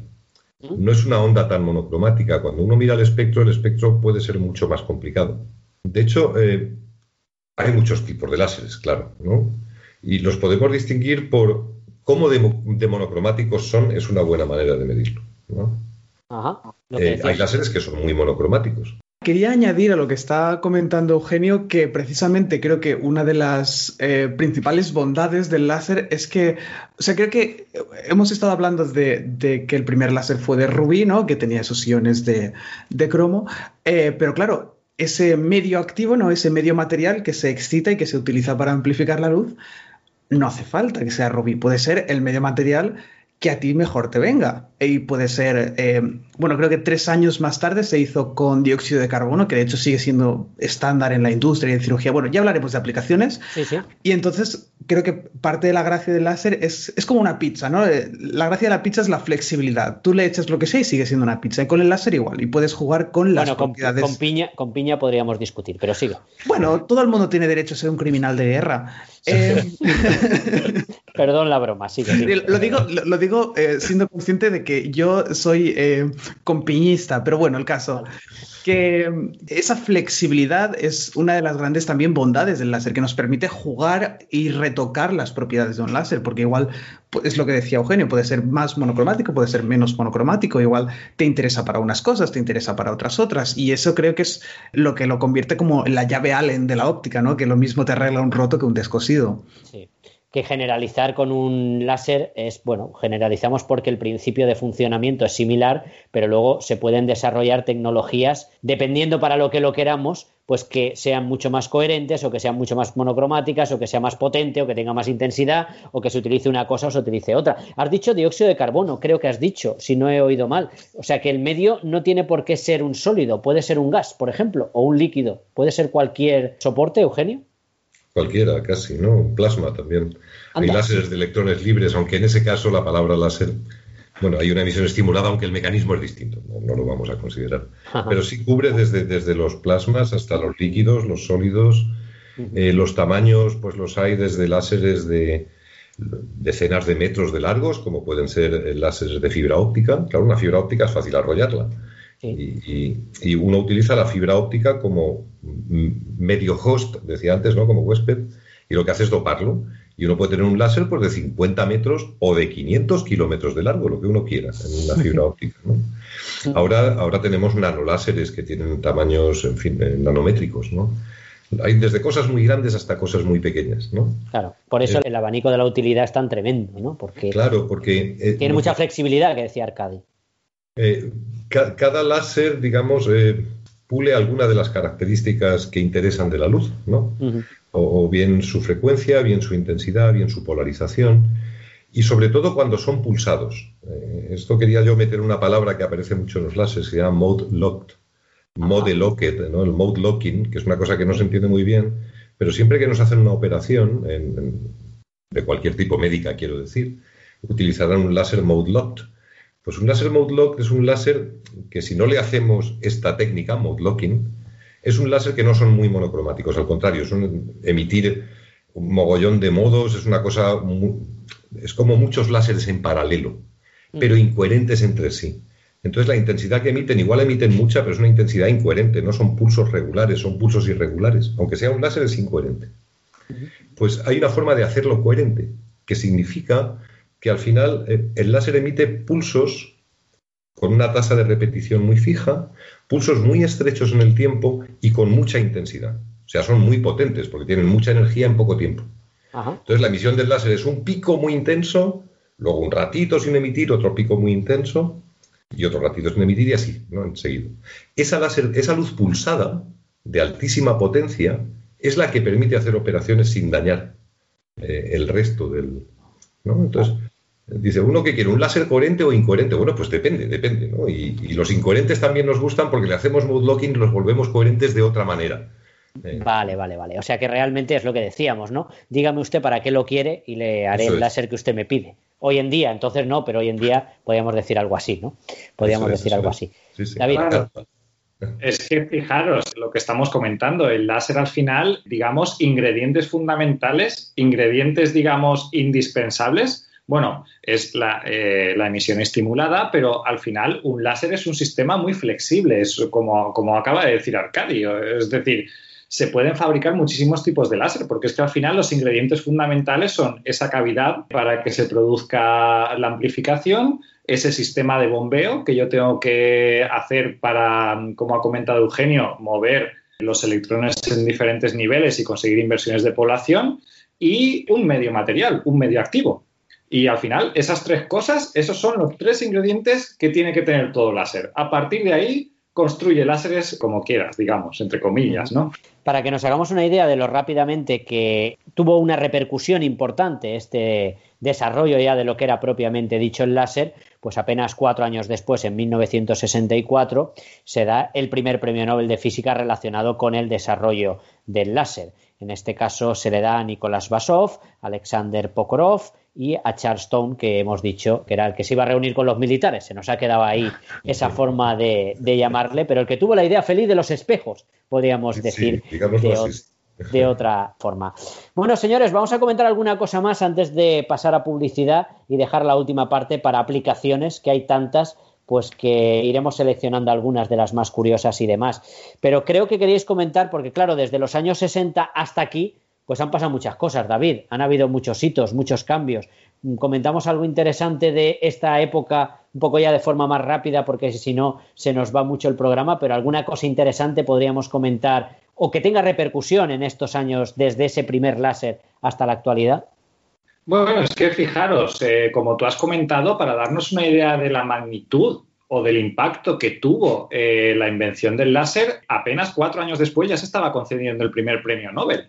Y Sí. eso eh, en la historia de los premios Nobel es muy raro, digamos, porque normalmente entre lo que son los descubrimientos y la concesión del Nobel, en la mayoría de los casos pueden pasar pues décadas o pueden pasar mucho tiempo, ¿no? Entonces nos da una idea de, de- de la magnitud de este descubrimiento, ¿no? Que solo apenas cuatro años después, ¡pum!, ya tienes el primer eh, premio Nobel eh, sobre la tecnología láser.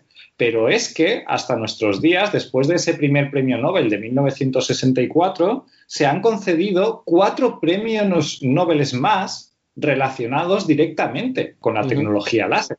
Entre estos premios Nobel, pues bueno, a mí hay uno, no sé si vosotros después, Eugenio y Arcadi, querréis destacar alguno, pero a mí en particular hay uno que me llama muchísimo la atención, que es el eh, Premio Nobel de Física de 1997, que se concedió precisamente por conseguir utilizar el láser para enfriar y atrapar átomos con luz láser. A mí eso me parece fantástico, porque... Eso ser ciencia ficción.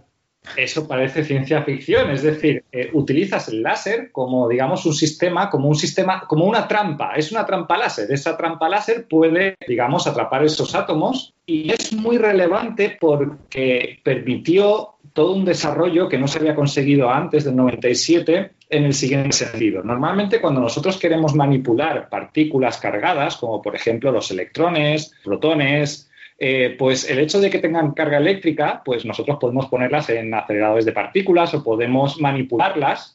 No hace falta irse a un acelerador de partículas, simplemente con un ciclotrón pues eh, podemos introducir campos eléctricos y campos magnéticos y como tienen carga eléctrica las partículas, pues las podemos desviar, podemos medir su masa, pero sin embargo las partículas neutras no son tan fáciles de manipular.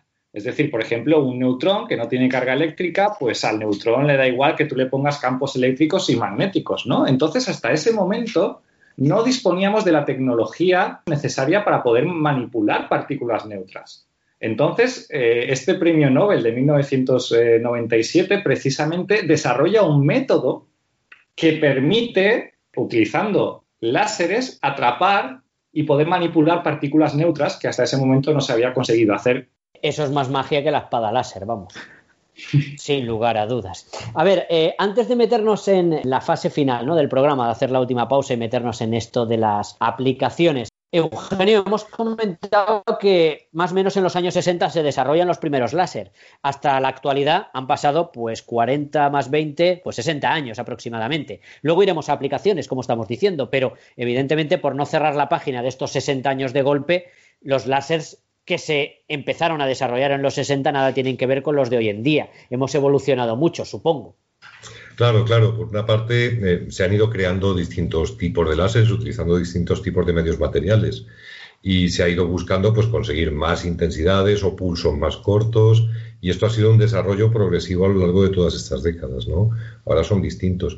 También ha sido muy importante el desarrollo teórico, porque cuando se inventó el láser, de repente la gente se dio cuenta de que no entendían qué tipo de luz iba a emitir ni cómo caracterizarla. Y precisamente en ese tiempo eh, nace la óptica cuántica, eh, con, la teoría de, de Glauber en esa época, de cómo se cuantiza el campo electromagnético, cómo se describe la coherencia. Eso es algo que parece tardío, ¿verdad? Que la óptica cuántica empiece en los años 60. Pues empieza en los años 60 porque hasta entonces no se dispone de esta herramienta que nos hace hacernos preguntas sobre cómo es muy íntimamente la luz, ¿no? Entonces, por una parte hay un gran desarrollo teórico y por otra parte un gran desarrollo experimental.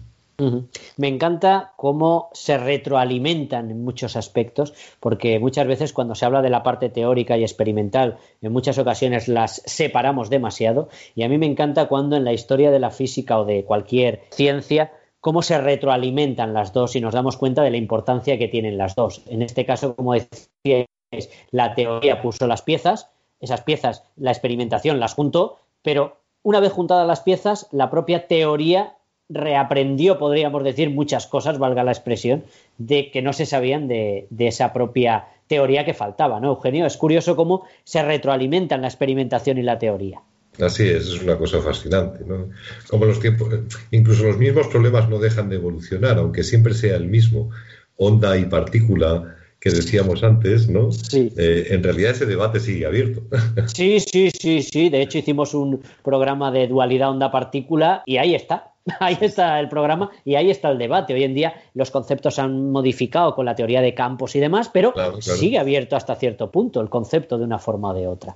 Eh, Arcadi, para terminar tú también, algo que remarcar de estos 60 años de evolución. Ya sé que es una pregunta que he dicho así parece que te estoy pidiendo un resumen de 60 años en un minuto, pero algo que quieras, algo que quieras destacar sobre esta evolución. Pues mira, de, de forma paralela al desarrollo teórico y experimental que ha mencionado Eugenio, a mí me gustaría mencionar eh, el abaratamiento, ¿no? Porque creo que, que, eh, el mayor indicador del éxito que ha tenido el láser como invento es, es su ubicuidad. Ah, ya- ahora veremos aplicaciones y tal.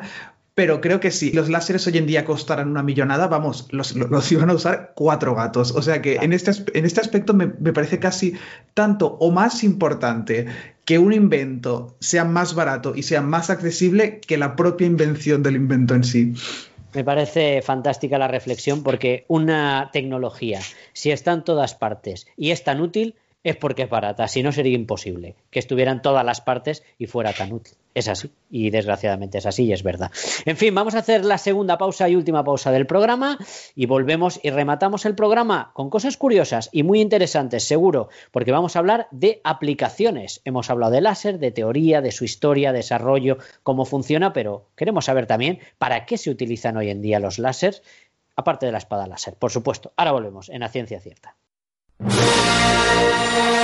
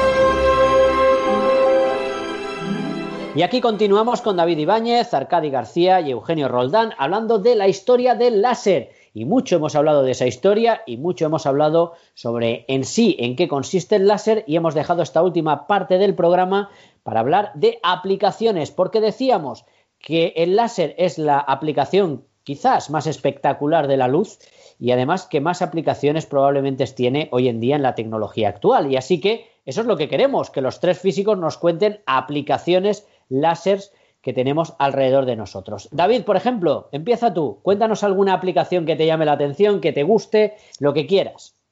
Bueno, pues eh, en principio elegir una aplicación es dificilísimo, ¿no? Porque hay muchísimas de ellas. Pero yo en particular me voy a quedar con una que a mí me llama muchísimo la atención y que me parece muy espectacular Y es que precisamente el láser es una tecnología que ha permitido desarrollar lo que llamamos interferometría láser. ¿Qué entendemos por interferometría láser? Interferometría láser precisamente es utilizar dispositivos láser para, basándose en los fenómenos de interferencia de la luz, poder medir distancias de una manera muy precisa, pero muy precisa.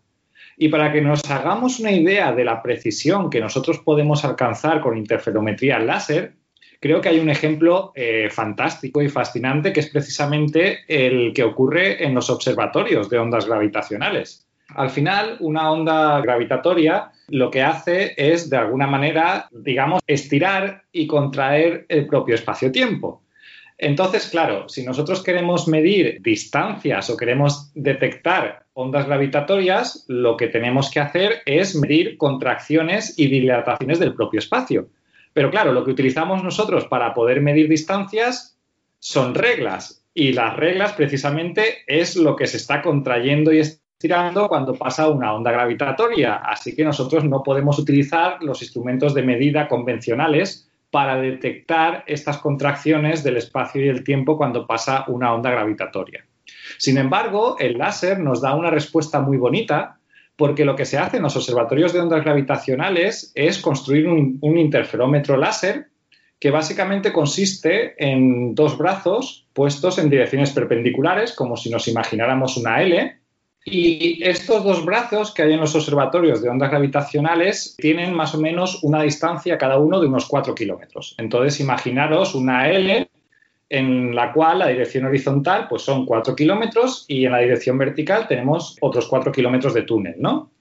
Entonces, básicamente lo que hacen estos observatorios de ondas gravitatorias es que este láser se divide en dos haces, uno que va por el tubo vertical y otro que va por el tubo horizontal. Y entonces, al final de esos eh, tubos de 4 kilómetros, se vuelven a reflejar y vuelven al punto de partida. Entonces, mientras no ha pasado una onda gravitatoria, esos dos brazos del interferómetro de ondas gravitatorias eh, son 4 kilómetros. Entonces, el láser pues, se divide en dos, va, vuelve y allí no pasa nada mientras no pasa una onda gravitatoria. ¿Cuál es el punto? Que cuando pasa una onda gravitatoria, lo que va a hacer es estirar uno de los brazos literalmente y contraer el otro de los brazos. De tal manera que va a provocar fenómenos de interferencia entre los haces, entre los dos haces láseres que van por el tubo vertical y por el tubo horizontal. Y gracias a eso podemos saber que ha pasado una onda gravitatoria por allí. Y para que os hagáis una idea de la precisión que se puede conseguir con la interferometría láser en estos observatorios, estas contracciones y digamos estiramientos del tiempo que se producen, con interferometría láser somos capaces de medir hasta 10 a la menos 21 metros de contracción o estiramiento. Entonces, A ver, 10 a la menos respiremos, 21. respiremos. 10, 10 a la menos 21 metros, has dicho. Eso es. Para que nos hagamos una idea, el tamaño del núcleo atómico es de 10 a la menos 15 metros. Es decir, con interferometría láser somos capaces de medir defectos de distancia o contracciones que son seis órdenes de magnitud menores que lo que es el tamaño de un núcleo atómico. Y eso precisamente lo hemos conseguido gracias a la tecnología láser. Por eso hemos conseguido medir esas ondas gravitatorias que el propio Einstein, que las postuló, decía que jamás seríamos capaces de medirlas, porque pensaba que jamás conseguiríamos una tecnología capaz de tener esa precisión. Y yo me pregunto, Eugenio, ¿qué característica tiene el láser para que sea útil para esta aplicación? ¿Qué es lo que tiene el láser que nos permita medir esos órdenes de longitud tan preciso? Bueno, lo que, lo que tienen estos láseres que, que instalan los observatorios de ondas gravitacionales es una altísima coherencia. Digamos, son extremadamente monocromáticos esos láseres. Y, bueno, luego tienen un equipo en el que cada vibración es compensada. La verdad es que resulta casi inimaginable. Hay que pensar que la pisada de un trabajador fuera del edificio provoca una perturbación mayor que la onda gravitatoria. Eh, entonces, todas esas pisadas, todo ese ruido, el ruido de la carretera, eh, todo eso ha de ser compensado y corregido en tiempo real para que no se nos pase esa pequeñísima señal gravitatoria que de- quizá venga. ¿no? Eh, pues son láseres altamente estabilizados y sí, permiten esas, esas cosas. Eh, a este hilo viene, viene a cuento una de las cosas, una aplicación del láser que a mí me gusta mucho, Venga. es que, vamos a ver, el láser, eh, quizás esto no lo hemos dicho, es una luz nueva. O sea, hasta el año 60, toda la luz que conocía la humanidad era luz por emisión espontánea.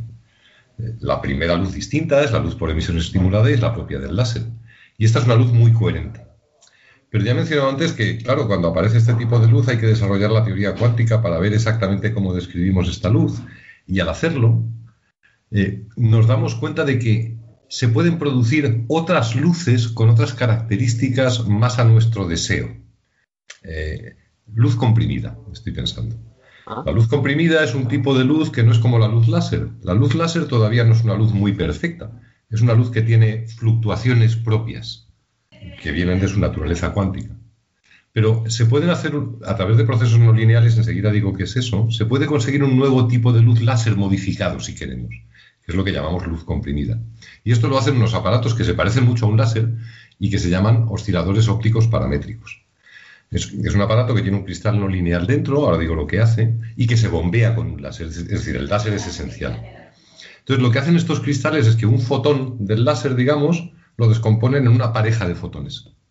Por ejemplo, llega un fotón de alta energía, digamos un fotón violeta, y se descomponen dos fotones de más baja energía, dos fotones infrarrojos. Y al hacer este proceso no lineal, la nueva luz, que es una luz láser modificada, resulta tener propiedades eh, aún más mágicas que las de la luz láser. Es una luz en la que hay alguna característica que no fluctúa en absoluto. Por eso se llama luz comprimida. Eh, No quiero entrar mucho en este detalle porque ya da para otro, para otro Sí, sí. programa, digamos, ¿no? Y esa luz comprimida es necesaria para conseguir que esos interferómetros hagan lo que están haciendo o lo que van a hacer en la nueva generación, digamos. Hasta ahora hemos observado algún fenómeno gravitatorio y ha sido un poco por casualidad, porque ha llegado algún cataclismo cósmico tan fuerte que hemos podido verlo con un aparato no muy bien diseñado, digámoslo así. Cuando incorporen esta luz comprimida que sustituirá a la luz láser que tienen, se observarán muchos más fenómenos porque tendremos el instrumento realmente afinado. O sea, aún vamos a ver eh, grandes sorpresas en el desarrollo de estos instrumentos. Como siempre, la ciencia nos sorprende y nos deja alucinados. Si ya era alucinante que hayamos conseguido lo que hemos conseguido, lo más alucinante de todo es que vemos que estamos empezando y que el desarrollo que ya tenemos encima de la mesa no es ciencia ficción, va a mejorar muchísimo más eso que parece ciencia ficción hoy en día. Así es, fascinante. Verdaderamente alucinante y fascinante. En fin, ¿alguna otra aplicación? Venga, Arcadi, cuéntanos alguna tú.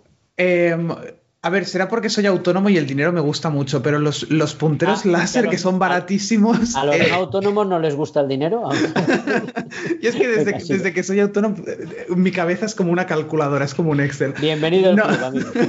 Ya No, pero en serio, em, digamos, de- desarrollo del láser, como digo, aplicación con láser, digamos, con A mayúscula. Uno de mis favoritos es eh, las pinzas ópticas, que de hecho se llevó un Nobel hace ya, iba a decir dos años, tres años. 2018. Digo, Tempus, yo sigo viviendo en 2020, Tempus Fugit. Vale.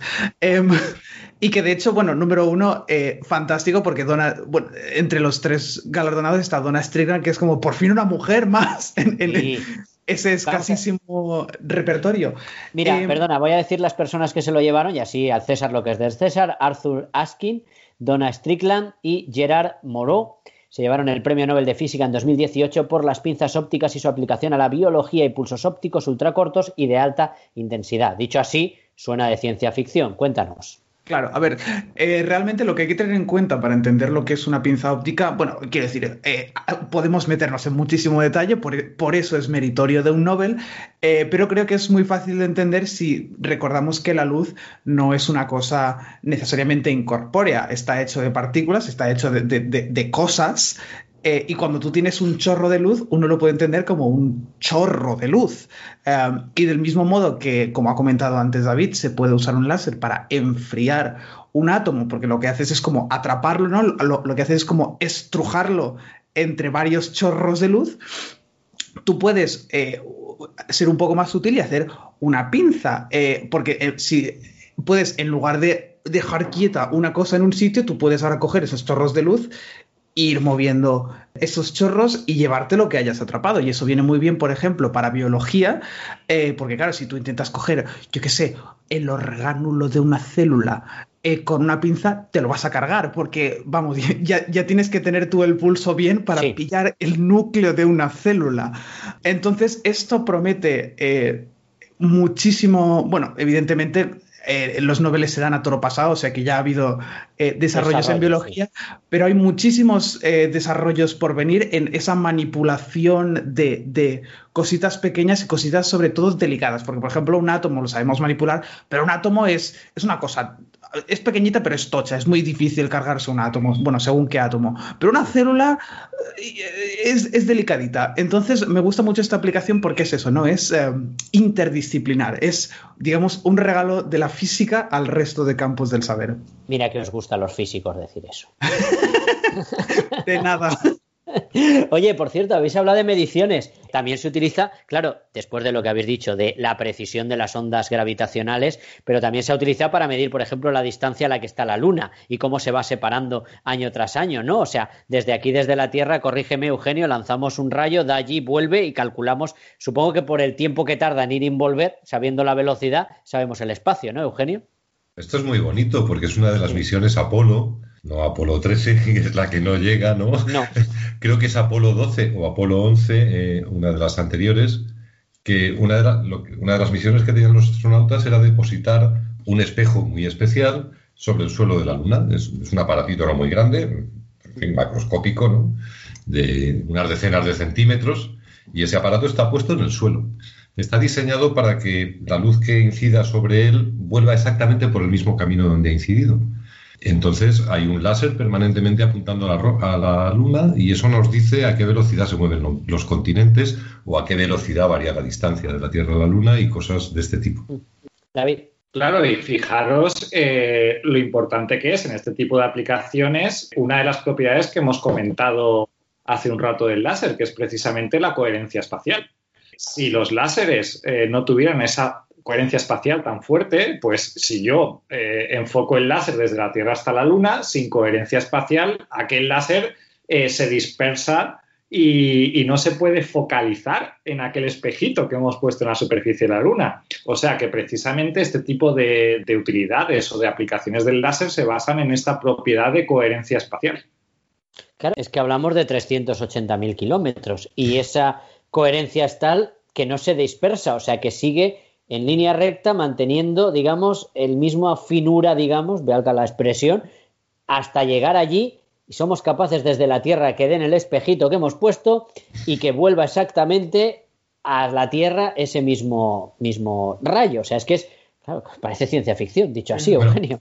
En, en realidad el haz que llega a la Luna ya cubre unos 300 metros, creo, ¿no? Bueno, bueno, bueno, se lo Pero permitimos. Eh, Claro, pues es que, Claro, es que, sí. claro, las distancias son descomunales, es que es casi Sí. como si no se dispersara, efectivamente. Y la pequeña fracción que recoge el espejo y que se dispersa también en el camino de vuelta puede ser detectada. En realidad es un experimento muy sorprendente por donde lo miremos, ¿no? Y que, y que demuestra, va, voy a decir una broma, y que demuestra que estuvimos allí, hombre. Claro. En fin, continuamos. Venga, alguna aplicación más, que quedan algunas muy habituales y muy chulas. A ver, ¿quién me cuenta alguna otra? Cortar metales, por ejemplo, va, la, la suelto yo y vosotros desarrolláis un poco. Eh, Eugenio mismo, para cortar cosas, porque claro, yo en el puntero láser puedo poner la mano y no me pasa nada. Pero ojo, que puedo hacer que llegue a tal potencia que corte el metal o el acero o cualquier cosa, ¿no, Eugenio? Claro, claro. Los láseres de CO2 que mencionaba antes David, precisamente son láseres de alta potencia y permiten conseguir, eh, conseguir muchos vatios en continuo que son capaces de cortar planchas de acero de centímetros de espesor. Es, un- es muy impresionante, sí, sí. De hecho, durante los 80, cuando, cuando el presidente Reagan eh, lideraba a los Estados Unidos, eh, se planteó un proyecto de guerra de las galaxias, se llamaba entonces, en, en esta guerra fría con, con la Unión Soviética, que consistía en un sistema de láseres que rebotando en espejos que estarían sobre satélites podrían aniquilar cualquier cohete que viniera. Nunca estuvo claro que aquello fuera a funcionar, pero arruinó a la Unión Soviética intentar seguir el ritmo, o sea que cumplió su papel. Perdón por la digresión histórico-militar. No, no, Me parece fantástico. Además, a mí me encanta aquella época de la Guerra Fría y todo esto que estamos comentando, pero a veces ganar al enemigo era engañarle de esta forma, hacer que invirtiera Sí. en cosas que no se podían desarrollar de una forma o de otra. es. De todas formas, igual que cortamos metales, se podía utilizar como un arma militar, evidentemente. ¿No, Claro, Eugenio? claro. Claro. De hecho, la- las primeras ideas que pasaron al público popular fueron de armas que llevaban los marcianos, rayos láser que destruían Claro. cosas, ¿no? Es que Eh, era la época. La cabra también. tira pa'l monte. No, Sí. Hay que situarse en, el- en, en aquella época, todo venía de arriba y todo era o armas nucleares o peligro de, de Rusia americanos haciendo cosas o los objetos volantes que llegaban y, y nos hacían eh, una visita, por decirlo de alguna forma. Era Sí. la época, era la Pues época. el rayo láser no ha sido un rayo mortífero, es verdad, pero bueno, sí que se incorpora a las armas, no hemos de ignorar este hecho, claro, los militares pagaron mucho por tenerlo y se utiliza fundamentalmente para guiado de armas, ¿no? Ajá. El sistema Sí. de guiado láser. que- que- Claro, saber dónde. Incluso hemos visto esos, esas, incluso como si fueran escopetas y demás, que tienen un rayo láser para dirigir exactamente Claro, eh, claro. eh, a dónde va el tiro. Arcadi, ibas a comentar alguno más. Venga. sí, bueno, yo ¿alguna iba ju- justo a lo que eh, estabais mencionando vosotros, ¿no? Sensores, eh, porque claro, al final el rayo láser es eh, la línea, la línea recta, bueno, recta, salvando, Sí. imaginando un medio isotrópico, etcétera, etcétera, de densidad constante, bueno, todas esas cosas que nos gusta asumir a los físicos, es una línea recta perfecta, no diría platónica, pero sí que es muy buena. Y como habéis mencionado, las escopetas, los rifles para apuntar, un uso un poco más constructivo serían los niveles de construcción, o ya podríamos hablar de literalmente cualquier cosa que sea. eh, por ejemplo, yo qué sé, eh, en los, en los eh, CDs, los DVDs, para leer, eh, el cabezal es un láser en lugar de. digamos que es un poco análogo, ¿no? En los tocadiscos tenemos la puntita de diamante que va, que va como Sí. Reaccionando a, las rugosidades del, del disco en un CD, bueno, un DVD, bueno, bueno, un Blu-ray ya si nos ponemos finolis, es exactamente lo mismo, pero en lugar de una punta de diamante tenemos un haz láser incidiendo y diciendo, ah, pues mira, aquí hay un huequito, aquí no, aquí sí, aquí no. A mí eso me parece magia, absolutamente. Es que además son diminutos. O sea, a mí una cosa que me fascina es que, claro, uno tiene. Yo, por ejemplo, eh, cuando estaba, cuando estaba eh, haciendo investigación en óptica, nosotros en el laboratorio tenemos un láser pues, para alinear nuestras cosas y para hacer también la línea recta perfecta, viene perfecto. Y era un láser, y era un birlocho, pues porque te- tenía su potencia, pero luego tú abres un lector de CDs y es una cosa diminuta. Ah, y es como. eh, es increíble las formas que adopta. Claro, pero y me parece todavía más increíble cómo con un rayo láser es capaz de leer, leer, ver lo que hay escrito ahí y cómo esa información escrita se transforma luego en una imagen o en un sonido. O sea, es que si lo piensas, es magia. ¿no? sí, Pero bueno, es- la electrónica digital es otro Sí, sí, grandísimo es brutal, melón. es brutal, es brutal. Pero bueno, DVD, CD, todo tecnología láser, de nuevo, Mm, láser disc, por supuesto, evidentemente también tecnología láser de lectura. Incluso algo más sencillo, el supermercado, lectura de código de barras. Mm. Totalmente. Además, si no recuerdo mal, creo que fue uno de los primeros usos comerciales. Probablemente. O igual me estoy columpiando. No, no, de gran escala puede que fuera uno de los primeros, sí. Venga, alguno más que se os ocurra o que os guste, os gustaría comentar, aunque sea brevemente. Hombre, pues yo me gustaría comentar Venga, uno. porque Eugenio, antes, venga. antes he mencionado el mode locking, que era esta técnica de hacer que los láseres fueran pulsados con pulsos muy cortos y- e intensos. Bueno, y, y claro, ¿y qué permite eso, no? Pues, ¿para qué sirve la luz pulsada tan corta? Sí, claro. Por una parte sirve para hacer buenas operaciones, como hemos dicho antes, ¿no?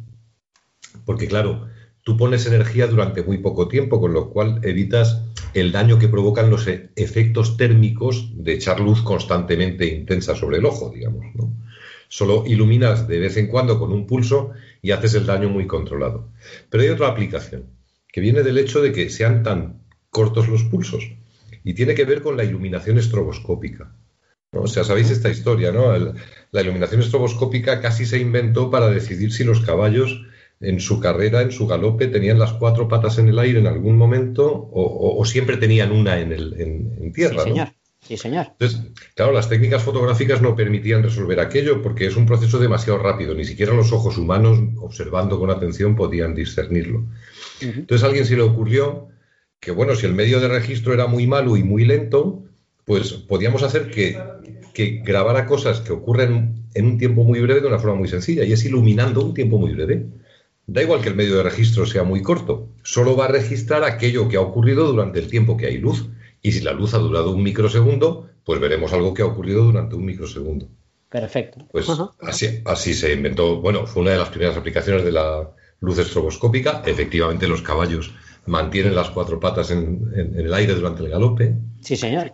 Pero ya no estamos hablando de fracciones de segundo aquí pequeñas. Hemos dicho que hay pulsos de femtosegundo, 10 a la menos 15 segundos.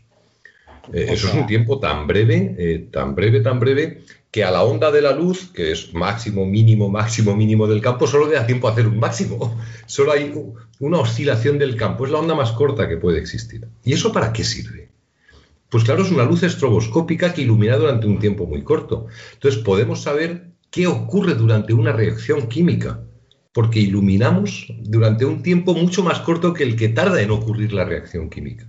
Qué bueno. Entonces ha dado, ha dado nacimiento a un nuevo campo de la química que se llama femtoquímica, que es la descripción de cuál es la evolución temporal de la reacción química en esa escala de resolución temporal. Parece ciertamente mágico, ¿no? Es, eh, a mí me lo Increíble.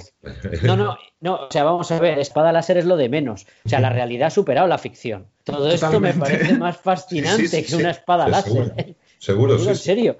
O sea, estaba oyendo esto de la reacción química, claro, es como hacer una foto de un proceso en el cual tú lo veías a larga escala, digamos, pero ¿qué pasa en los mili, mili, milisegundos dentro de esa reacción química? Pues, pues tenemos una herramienta, ¿no? Es, es- es alucinante. ¿no? Luego veremos, ¿no? Lo que hay o lo que no pasa, que a lo mejor cambia lo- el concepto o no, que es lo que decíamos antes. Pero lo fascinante es tener la herramienta. Es como lo que hablábamos antes de poder medir la luna, ¿vale? O poder medir las ondas gravitacionales, que aún más es bestia, ¿no? Pero luego eso te puede, como en este caso, eh, podemos ver que era verdad lo que decía Einstein y que hay ondas gravitacionales. Podría haber sido que no, y tela la que se hubiera liado. Pero lo importante y fascinante es tener la herramienta. Luego ya veremos, pero tener la herramienta me parece absolutamente brutal. Arcadi, quiero que me cuentes algo más. Venga. Sí, bueno, eh, yo simplemente quería añadir a caballo de lo que ha dicho Eugenio, que quizás es porque soy muy pánfilo, pero muchas veces cuando hablamos sobre ciencia, como que salgo un momento de mí mismo y digo, wow, la gente es muy lista. Um, y, creo que este es un, ejemplo paradigmático, ¿no? De que, el, ser humano, bueno, aquí ya me estoy yo poniendo filosófico, como que a nivel epistemológico nos dan un poquito, ¿no? Nos dan un láser y nosotros cogemos el brazo entero y decimos, bueno, pues vamos a medir eh, la distancia de la Tierra a la Luna, vamos a medir eh, la- las movidas que ocurren dentro de las reacciones químicas. Es una cosa que me parece absolutamente fascinante. Y un poco, yo siempre intento barrer para un poco la interdisciplinariedad y del mismo modo que antes comentabas, Antonio, que se usa eh, láseres de alta potencia para cortar metal, eh, bueno, y creo que también lo mencionado Eugenio, ¿no? que también se usan en cirugías como por ejemplo eh, para tratamiento láser, eh, realmente los láseres se usan un montonazo en, en- en medicina, no solo para lo, lo que sería operar en los ojos, ¿no? que es como lo, más fácil, ¿no? que también un poco temáticamente coherente. Está más ¿no? al orden del día también, ¿no? En la calle se oye más eso, ¿no? Exacto. Y, y hay depilación láser, hay tratamientos También, de acné, mira. hay, hay. Claro, todo lo que pueda ser afectado por un láser de alta potencia, que es literalmente cualquier cosa, porque la, la batería interacciona con la luz, es fantástico. Y una cosa que a mí me gustaría mencionar es la terapia láser eh, para ciertos tipos de cáncer eh, superficiales. Evidentemente bueno. no es el único tratamiento que, que hay para, para esos cánceres y hay que hacerlo en conjunción pues, con quimioterapia, con radioterapia, etcétera, etcétera, pero se usan láseres precisamente para eh, frenar el avance de ciertos tumores y es una cosa que me parece absolutamente maravillosa. Como terapia o técnica, podríamos decir, dentro de la Exacto. medicina, como vemos, es brutal. Todas la- las utilidades que tiene hoy en día y las que prometen un futuro, que seguro serán muchísimas más. Oye, por cierto, Eugenio, ¿qué es esto de los peines de luz? Que tiene un nombre que me ha traído. Pues sí, el nombre es gracioso, ¿no? El de peine. Pues fíjate, eh, es una luz que no es monocromática. Si fuera monocromática solo tendría una frecuencia. Ujú. Y, y- y un peine de luz, al contrario, es una luz que tiene muchas frecuencias, pero todas equiespaciadas, de forma que forman como los dientes de un peine, ¿sabes? Sí. Y, y el peine es interesante que el espectro tenga muchas frecuencias, que haya muchos colores, pero todos separados por igual, ¿sabes? La frecuencia 5, la 6, la 7, la 8, todas equiespaciadas. Eh, si ese peine de frecuencias tiene una octava entera, como en música, una octava Sí. es duplicar la frecuencia, ¿no? Sí. Entonces se vuelve la herramienta absolutamente maravillosa para medir cualquier cosa, porque, porque permite medir duraciones, es una especie de reloj. Ah. Eh, tú haces interferencias con un peine de frecuencias que tenga una octava entera y obtienes una medida directa del, del tiempo que dura la cosa. no, no sé cómo resumirlo de una forma más No, no, clara. fantástico, fantástico, pero bueno, es, Pero es- tener una octava entera en frecuencias de luz eh, permite medir frecuencias con una altísima precisión. Y de hecho los nuevos relojes atómicos funcionan con esto. Las nuevas medidas de tiempo funcionan con estos peines de frecuencia. Que se descubrieron los de una octava completa no hace tanto. Fue el premio Nobel de Hahn 2000, do- después del 2005. 2000, pero no recuerdo cuándo. 2005, muy bien. 2005 de Glauber, Hall y Hash. Exactamente, coherencia óptica y la técnica de los peines de frecuencia, los peines de luz. Evidentemente, en el 2005 una técnica que se desarrolla al respecto fácil de explicar no va a ser. Así que la hemos entendido todo lo que hemos podido porque la cosa no es fácil. Lo de los Pero el de- experimento era sencillísimo, era una Sí, sí, fibra sí. óptica que tenía 20 centímetros de largo, una fibra óptica especial, ahora os digo cómo era. Se ilumina con un láser por un lado y al otro lado se tiene esa luz eh, de, de- de un peine de frecuencias. ¿no? Es una fibra que está llena de agujeritos, es una fibra microestructurada que se llama o de cristal fotónico. Y en fin, por razones muy complicadas realmente, porque es un proceso muy complicado, se produce no solo una amplificación de la luz, sino un reparto en frecuencias cada vez más distintas, más distintas, hasta cubrir una octava entera. Y es maravilloso. Antes, algo que antes costaba muchísimo dinero y medios técnicos hacer, un reloj atómico, digamos, eh, ahora se puede hacer. O sea, que no solo sirve para medir distancias, que lo podemos utilizar para medir tiempos, podríamos decir. Efectivamente, efectivamente. Impresoras láser también, por ejemplo. Quien Claro. no tiene en su casa una impresora láser, o bueno, no hace falta, puedes tenerla de tinta, pero hay impresoras láser que tampoco es una tecnología hipercara ni muchísimo menos y que también sí. utilizan láser, en este caso, pues para imprimir y para, para poder hacer impresión, ¿no? En fin, creo que hemos dicho unos cuantos. Si se os ocurre alguno para rematar el programa, alguna aplicación más, pero bueno, yo creo que ya hemos dicho unas cuantas. Si alguien quiere decir alguna más, que hable ahora o calle para siempre, que decía aquel. Venga, Eugenio, te dejo la última, va. La última. La que no existe, la espada láser. Venga, ahí estamos. Entonces, vamos a acabar con. Entonces, la espada láser. Bueno, es, es verdad, es la pregunta final importante de todo este programa, porque uno ha hecho un programa largo para hablar del láser, para hacer- poder hacerle a un catedrático de óptica esta pregunta. Eugenio, después de todo lo que hemos hablado de los láser, ¿los rayos, los, las espadas láser son viables o no? Eh, que yo sepa, no, habrá que inventar algo, otra cosa, pero hacer que la luz vuelva sobre su camino sin ponerle algo al final va a ser muy difícil. Yo eso, eso, eso ahí veía algo que cojeaba. O sea, lo de que acabara en un punto y no siguiera para adelante, yo a mí eso nunca me ha cuadrado, ¿no? En pero fin, quién sabe. quién sabe. No, no.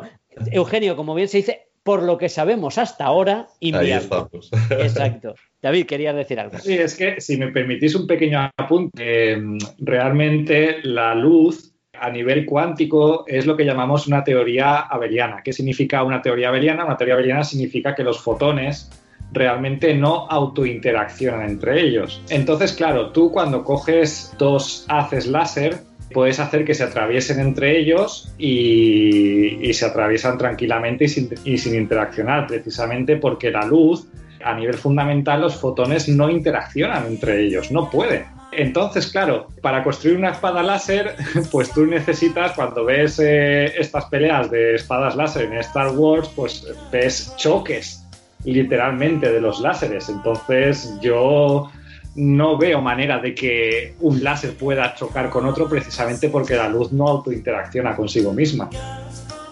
La magia del cine. Donde esté un buen acero toledano que se quite lo demás, honestamente. En fin, la magia del cine. Lo que pasa es que ya sabéis que la única diferencia entre la ficción y la realidad es que la realidad tiene que parecer cierta. Que muchas veces es más difícil, hay que hacerla verosímil y a veces es más difícil que hacer verosímil la ficción. En fin, eh, ha sido un verdadero placer. Vamos a ir despidiendo, creo yo. David, ¿alguna cosa más? Mm, Nada, yo pues bueno, sigo soñando con el día en que está muy bien, láseres comprimidos, luces comprimidas, todas estas tecnologías, pero realmente me voy a quedar con el día en el cual eh, podamos au- autointeraccionar luz consigo misma y construir esa espada láser. Y así podrías cerrar el círculo y volver a tu infancia, David. Eugenio, eh, Eugenio placer, Ronda, Antonio. catedrático, ha sido un verdadero placer, muchísimas gracias y a ver si en otro programa más adelante, que hemos dejado varios programas abiertos, podemos volver a interactuar. Será un placer. Gracias, Eugenio. Y Arcadi, como siempre, un, Un placer. amigo. placerísimo. Encantadísimo de haber estado. placer. Nosotros nos despedimos hasta la semana que viene con otro tema, esperemos, tan apasionante y que nos lo pasemos también como con este. Y acabamos hoy con una frase de uno de los grandes, como siempre, Albert Einstein en este caso, o Einstein, para decirlo más exactamente la pronunciación real, dijo una vez, ya no dudo más de la realidad de los cuantos de radiación, aunque todavía estoy completamente solo en esta convicción. Luego ya la cosa cambió y mucho. En fin, hasta la semana que viene, ha sido un verdadero placer. Adiós.